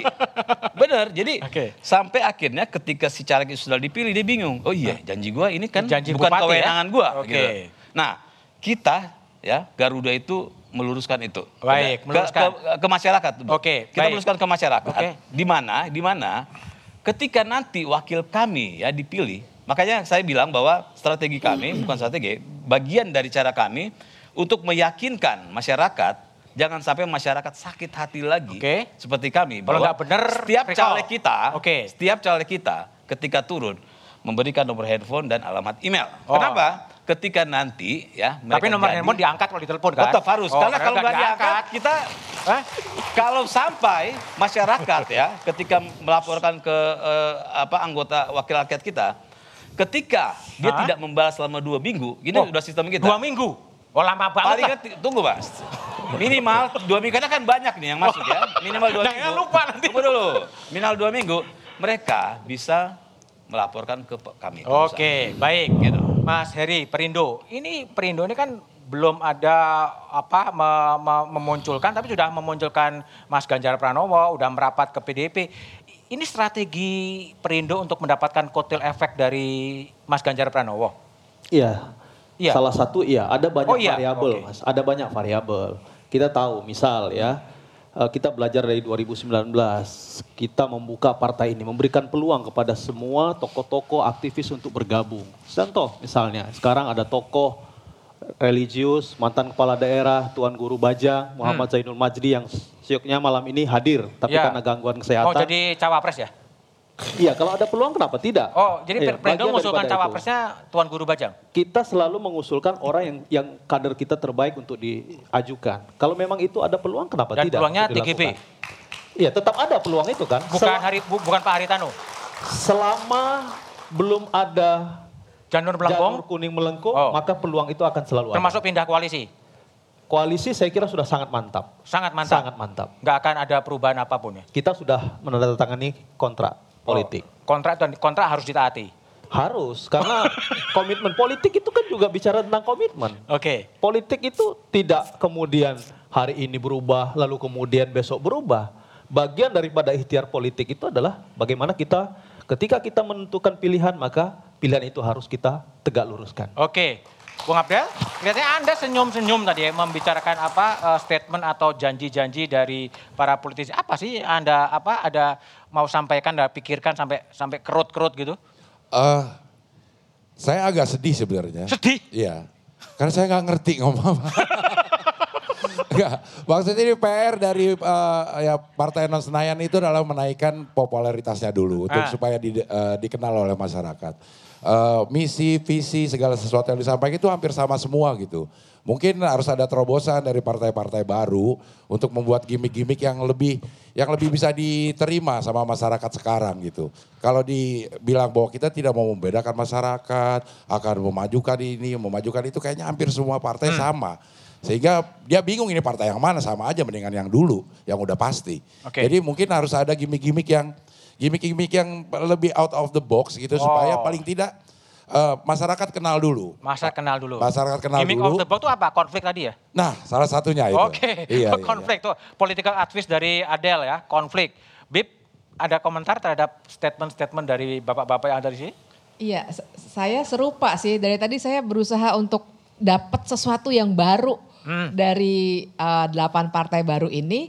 Tapi kelihatannya ya benar-benar tidak ada gagasan baru yang Belum lah. bisa iya yang Belum. bisa membuat kita jadi eh, kenal dengan partai itu dan mau memilih calegnya. Jadi kayaknya PR-nya nih masih banyak sekali, Mas Oke, Budiman. jadi gagasan ya. Jadi ini memang sebuah pertanyaan ya, gagasan-gagasan yang mau dibawa oleh partai-partai politik ya. Nanti jawabannya setelah jeda berikut ini.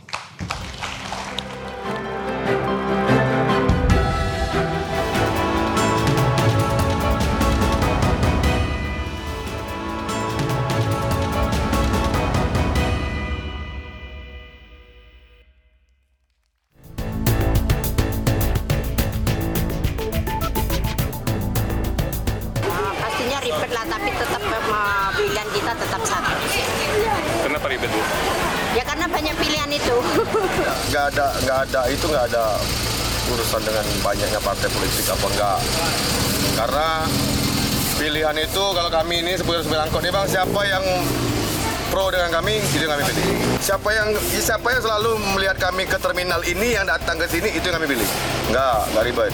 Kalau menurut beta pribadi semakin banyak semakin ribet, semakin banyak semakin bikin pusing. Ya kalau bagusnya tuh jangan terlalu banyak supaya ketun punya satu ketun jadikan pilihan itu untuk satu saja supaya ketun tahu dan ketun yakin dia bisa bawa ketun maju sampai ke atas. Semakin banyak ketun pusing lagi mau pilih mana. Yang penting yang betul saja. Banyak kan semakin ribet. Karena katu mau pusing, katu pusing, katu mau pilih yang mana. Karena kalau untuk pemilihan lain tuh kita rasa agak ribet juga. Karena katu mesti memilih yang pas, begitulah. kita sebagai masyarakat itu bingung karena semakin ramai partai itu artinya semakin ramai yang mencalonkan diri kan. Kalau tentunya kita tahu ya dari 18 partai politik ini pasti memiliki persaingan yang ketat antara partai politik satu dengan partai politik lainnya dan itu juga berdampak pada caleg-caleg nanti yang terlibat dalam partai politik. Kalau dibilang mau ribet atau enggak ya itu ke- kembali tergantung lagi ya dengan eh, partai politik masing-masing. Ya itulah suara warga, orang menganggap 18 partai politik bikin ribet, bikin rumit, susah milihnya. Mau milih kalau eh, Katong datang ke terminal itu yang saya pilih. Prof Yusril, jadi PBB gimana? Lihat tadi warga kan ribet, makin banyak partai politik ribet. Dan strategi PBB untuk lolos ke Senayan gimana Prof? Sebenarnya justru partai politik itu untuk mengatasi keributan itu. Oh mengatasi keributan. Ya, karena kan aliran pikiran di tengah masyarakat itu kan beragam-ragam. Hmm. Nah, karena itu dicoba yang sepaham itu berkumpul di sini partai A, Oke. partai B dan seterusnya begitu. Dan partai itu kan menawarkan program-program apa yang harus mereka kerjakan nanti apabila mereka sudah duduk di DPR, di pemerintahan dan sebagainya. yang dipikirkan oleh PBB itu sebenarnya ingin merombak secara total sebenarnya Rombak sistem total. bernegara kita ini. Dan PBB itu akan mengusulkan kembali untuk perubahan Undang-Undang Dasar 45 kita ya. Oke. Untuk mengganti demokrasi yang karikatur seperti sekarang ini pada demokrasi yang sejati. Hmm. Yang kedua juga sebenarnya kita ingin membenahi eh, sistem hukum kita oleh karena eh, sekian lama kita merdeka ini dan termasuk pada pemerintahan Pak Jokowi sekarang ya walaupun dipuji orang dianggap orang banyak eh, melakukan terobosan-terobosan tapi yang paling lemah dari pemerintahan Pak Jokowi itu adalah aspek hukumnya. Aspek hukum. Ya, dan saya kira kalau hukum kita tidak benahi ya sulit untuk kita eh, bergerak menjadi negara maju, sulit pada investasi datang ke sini dan seterusnya. Oke, baik, Prof. Bung Teddy, kalau tadi PBB menawarkan adalah amandemen kembali konstitusi dan pembenahan sistem hukum, suara warga mengatakan kebanyakan parpol bikin ribet. Garuda menawarkan apa? Ya, jadi kalau Partai Garuda tetap sama ya dengan yang saya sampaikan tadi bahwa kita itu back to basic. Back to basic. Back to basic artinya bahwa kebanyakan ya caleg-caleg ini menawarkan mimpi-mimpi yang tidak bisa mereka lakukan. Kalau Garuda? Kami basic aja bahwa fungsi dari eh, wakil rakyat itu apa yang masyarakat tidak ketahui Oh. dan itu adalah bagian dari janji yang nanti Itu pendekatan civic ya? Ya. Pendidikan kewarganegaraan gitu? Enggak, jadi kan begini gini, masyarakat kami tanya ke masyarakat eh, Pak Budiman, kamu tahu nggak sih salah satu aja lah. Ternyata ba- bahkan Oke. fungsi pengawasan itu masyarakat rata-rata tidak tahu. Oke. Ya, jadi kami kembalikan, jadi back to basic kembalikan agar masyarakat tahu bahwa yang mereka pilih itu eh, apa calon yang memang memberikan informasi yang tidak berlebihan. Oh. Ya. Sehingga mereka memilih kami yang saya sampaikan tadi ketika mereka memilih caleg kami dan dia jadi, maka masyarakat kami pastikan tidak sakit hati Tidak sakit terhadap hati. wakil rakyat kami. Kenapa?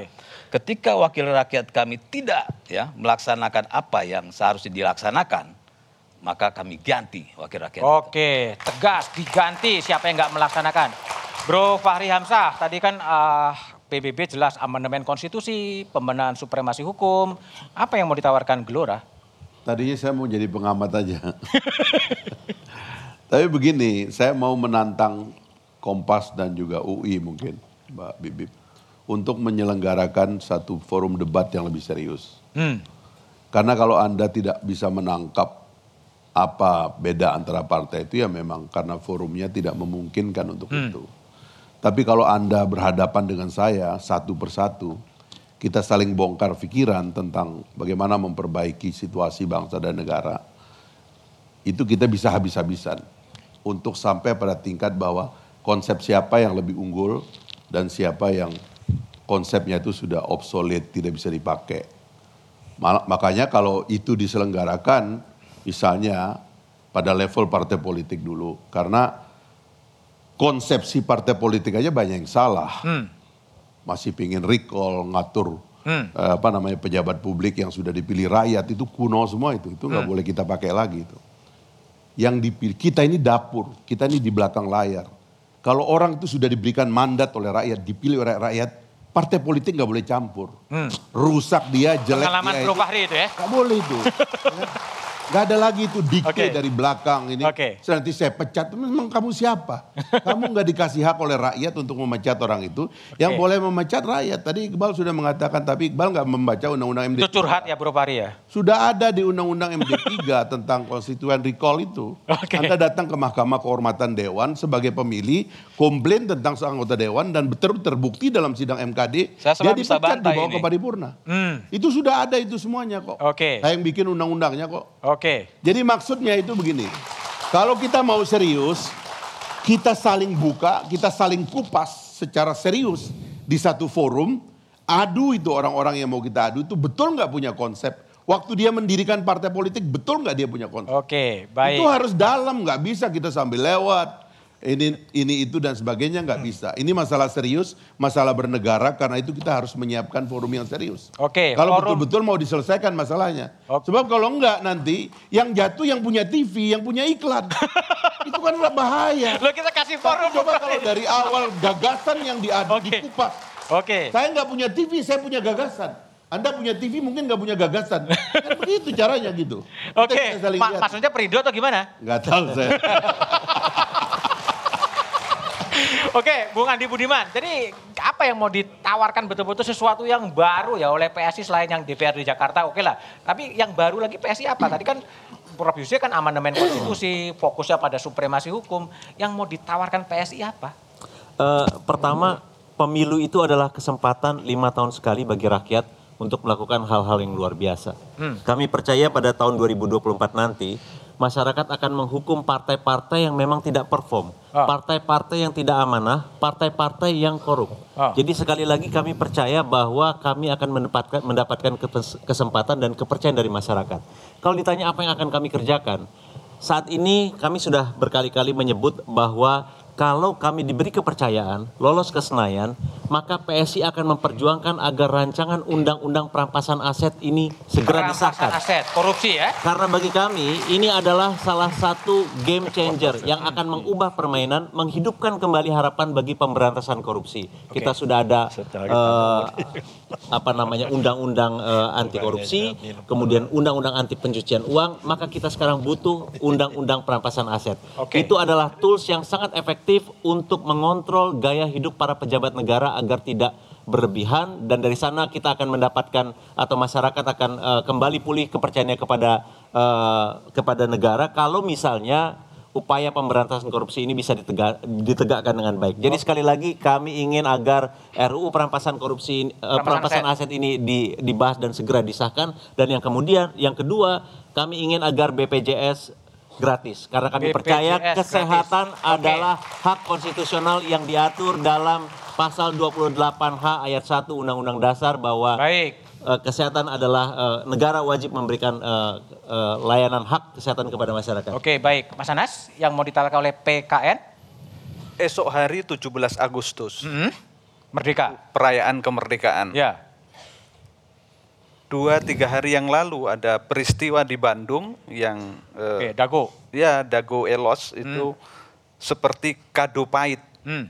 bahwa ada masyarakat yang marginal itu tidak mendapatkan keadilan hukum. Hmm. Nah, bagi PKN kasus-kasus seperti ini ke depan tidak boleh lagi terjadi. Tidak boleh lagi terjadi. Tidak boleh ada rakyat kita yang terpinggirkan secara hukum, secara ekonomi, secara sosial, secara budaya. Makanya yang paling penting buat PKN adalah semangat kenusantaraan itu adalah kesetaraan. Semuanya harus setara. Setara. Tidak boleh ada anak tiri, anak kandung. Tidak boleh ada daerah yang majunya luar biasa, ada yang tertinggal.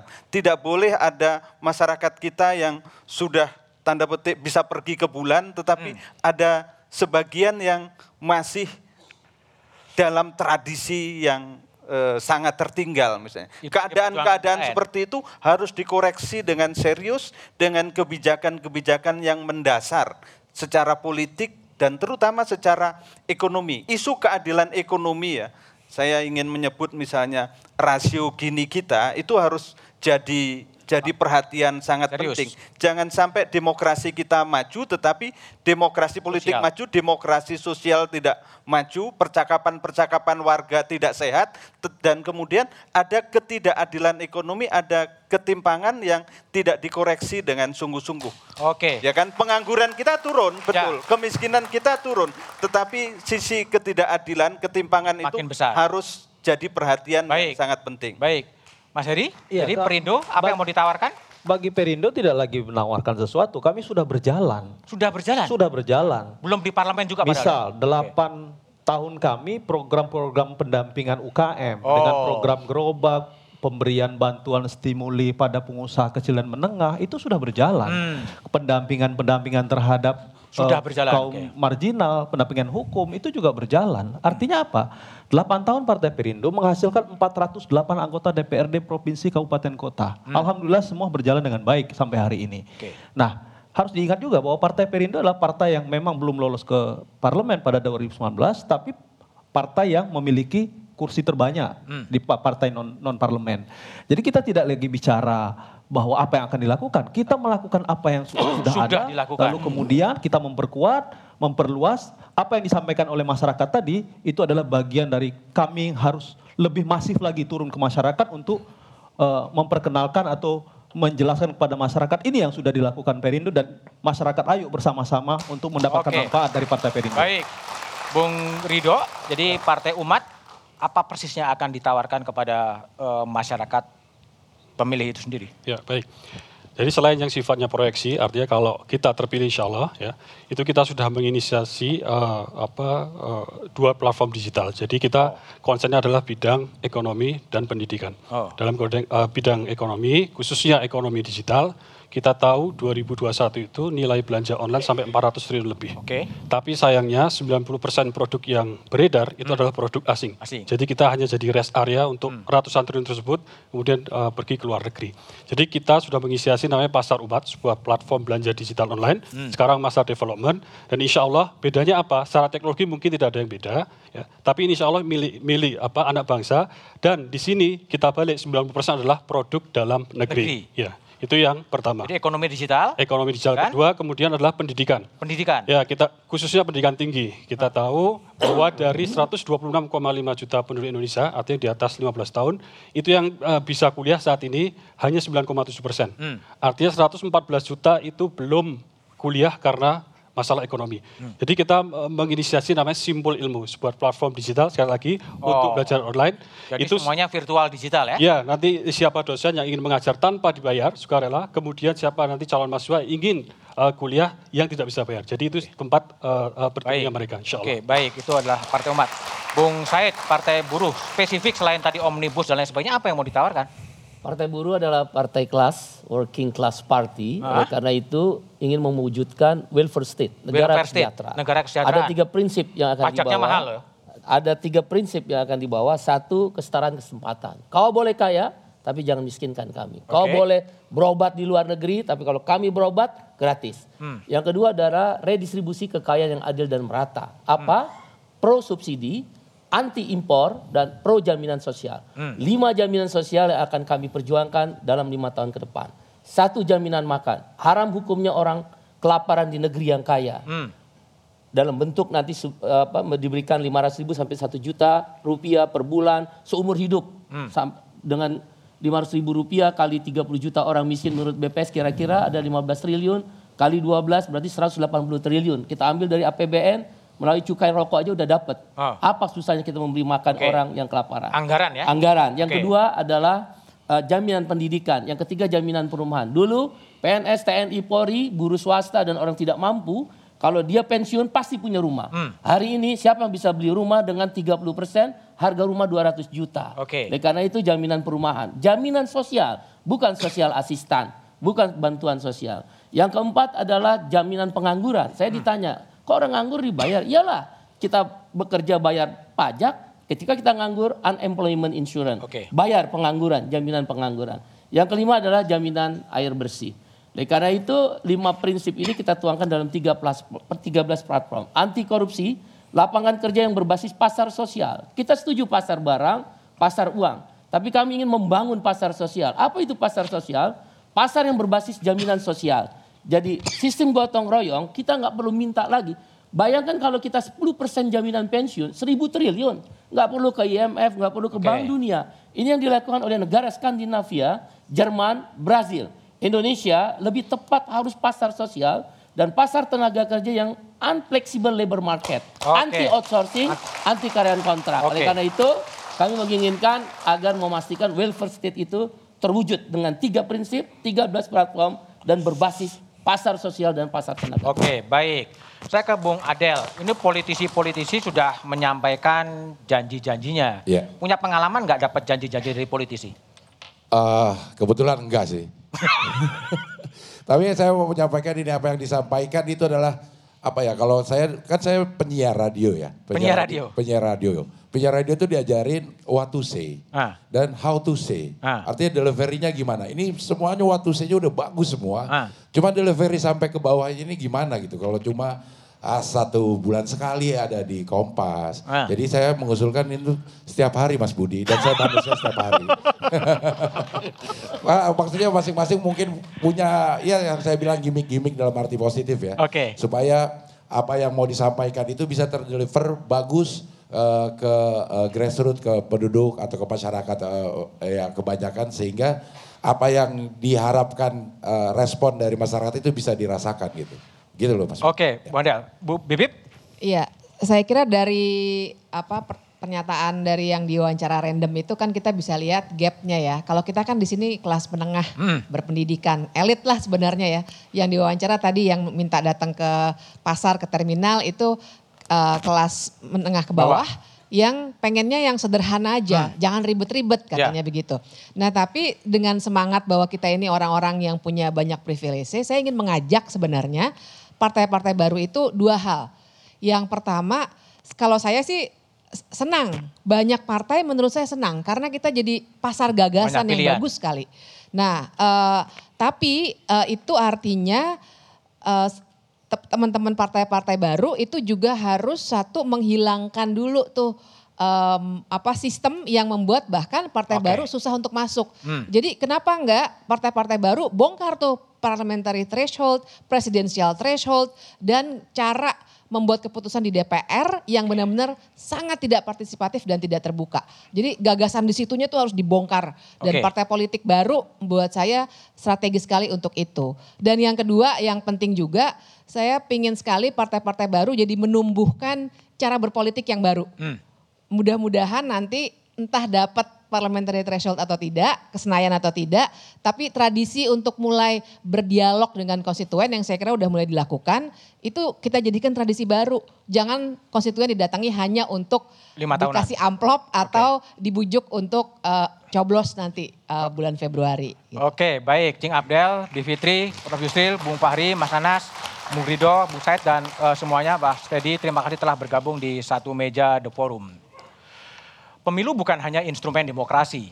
Pemilu adalah sarana membangun integrasi sosial dan bukan malah menciptakan pembelahan sosial.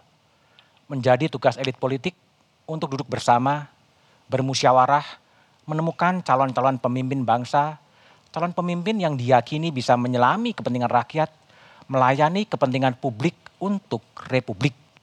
Demokrasi harus dipahami sebagai mendengarkan suara rakyat dan melaksanakannya, bukan malah mencampakkannya. Bangsa ini membutuhkan teladan dan keteladanan, karena kekuasaan akan lebih bermakna jika ada dimensi pengabdian, pengabdian kepada si empunya kedaulatan rakyat itu sendiri. Demikian satu The forum spesial malam ini. Sampai jumpa pekan depan. Selamat malam dan terima kasih.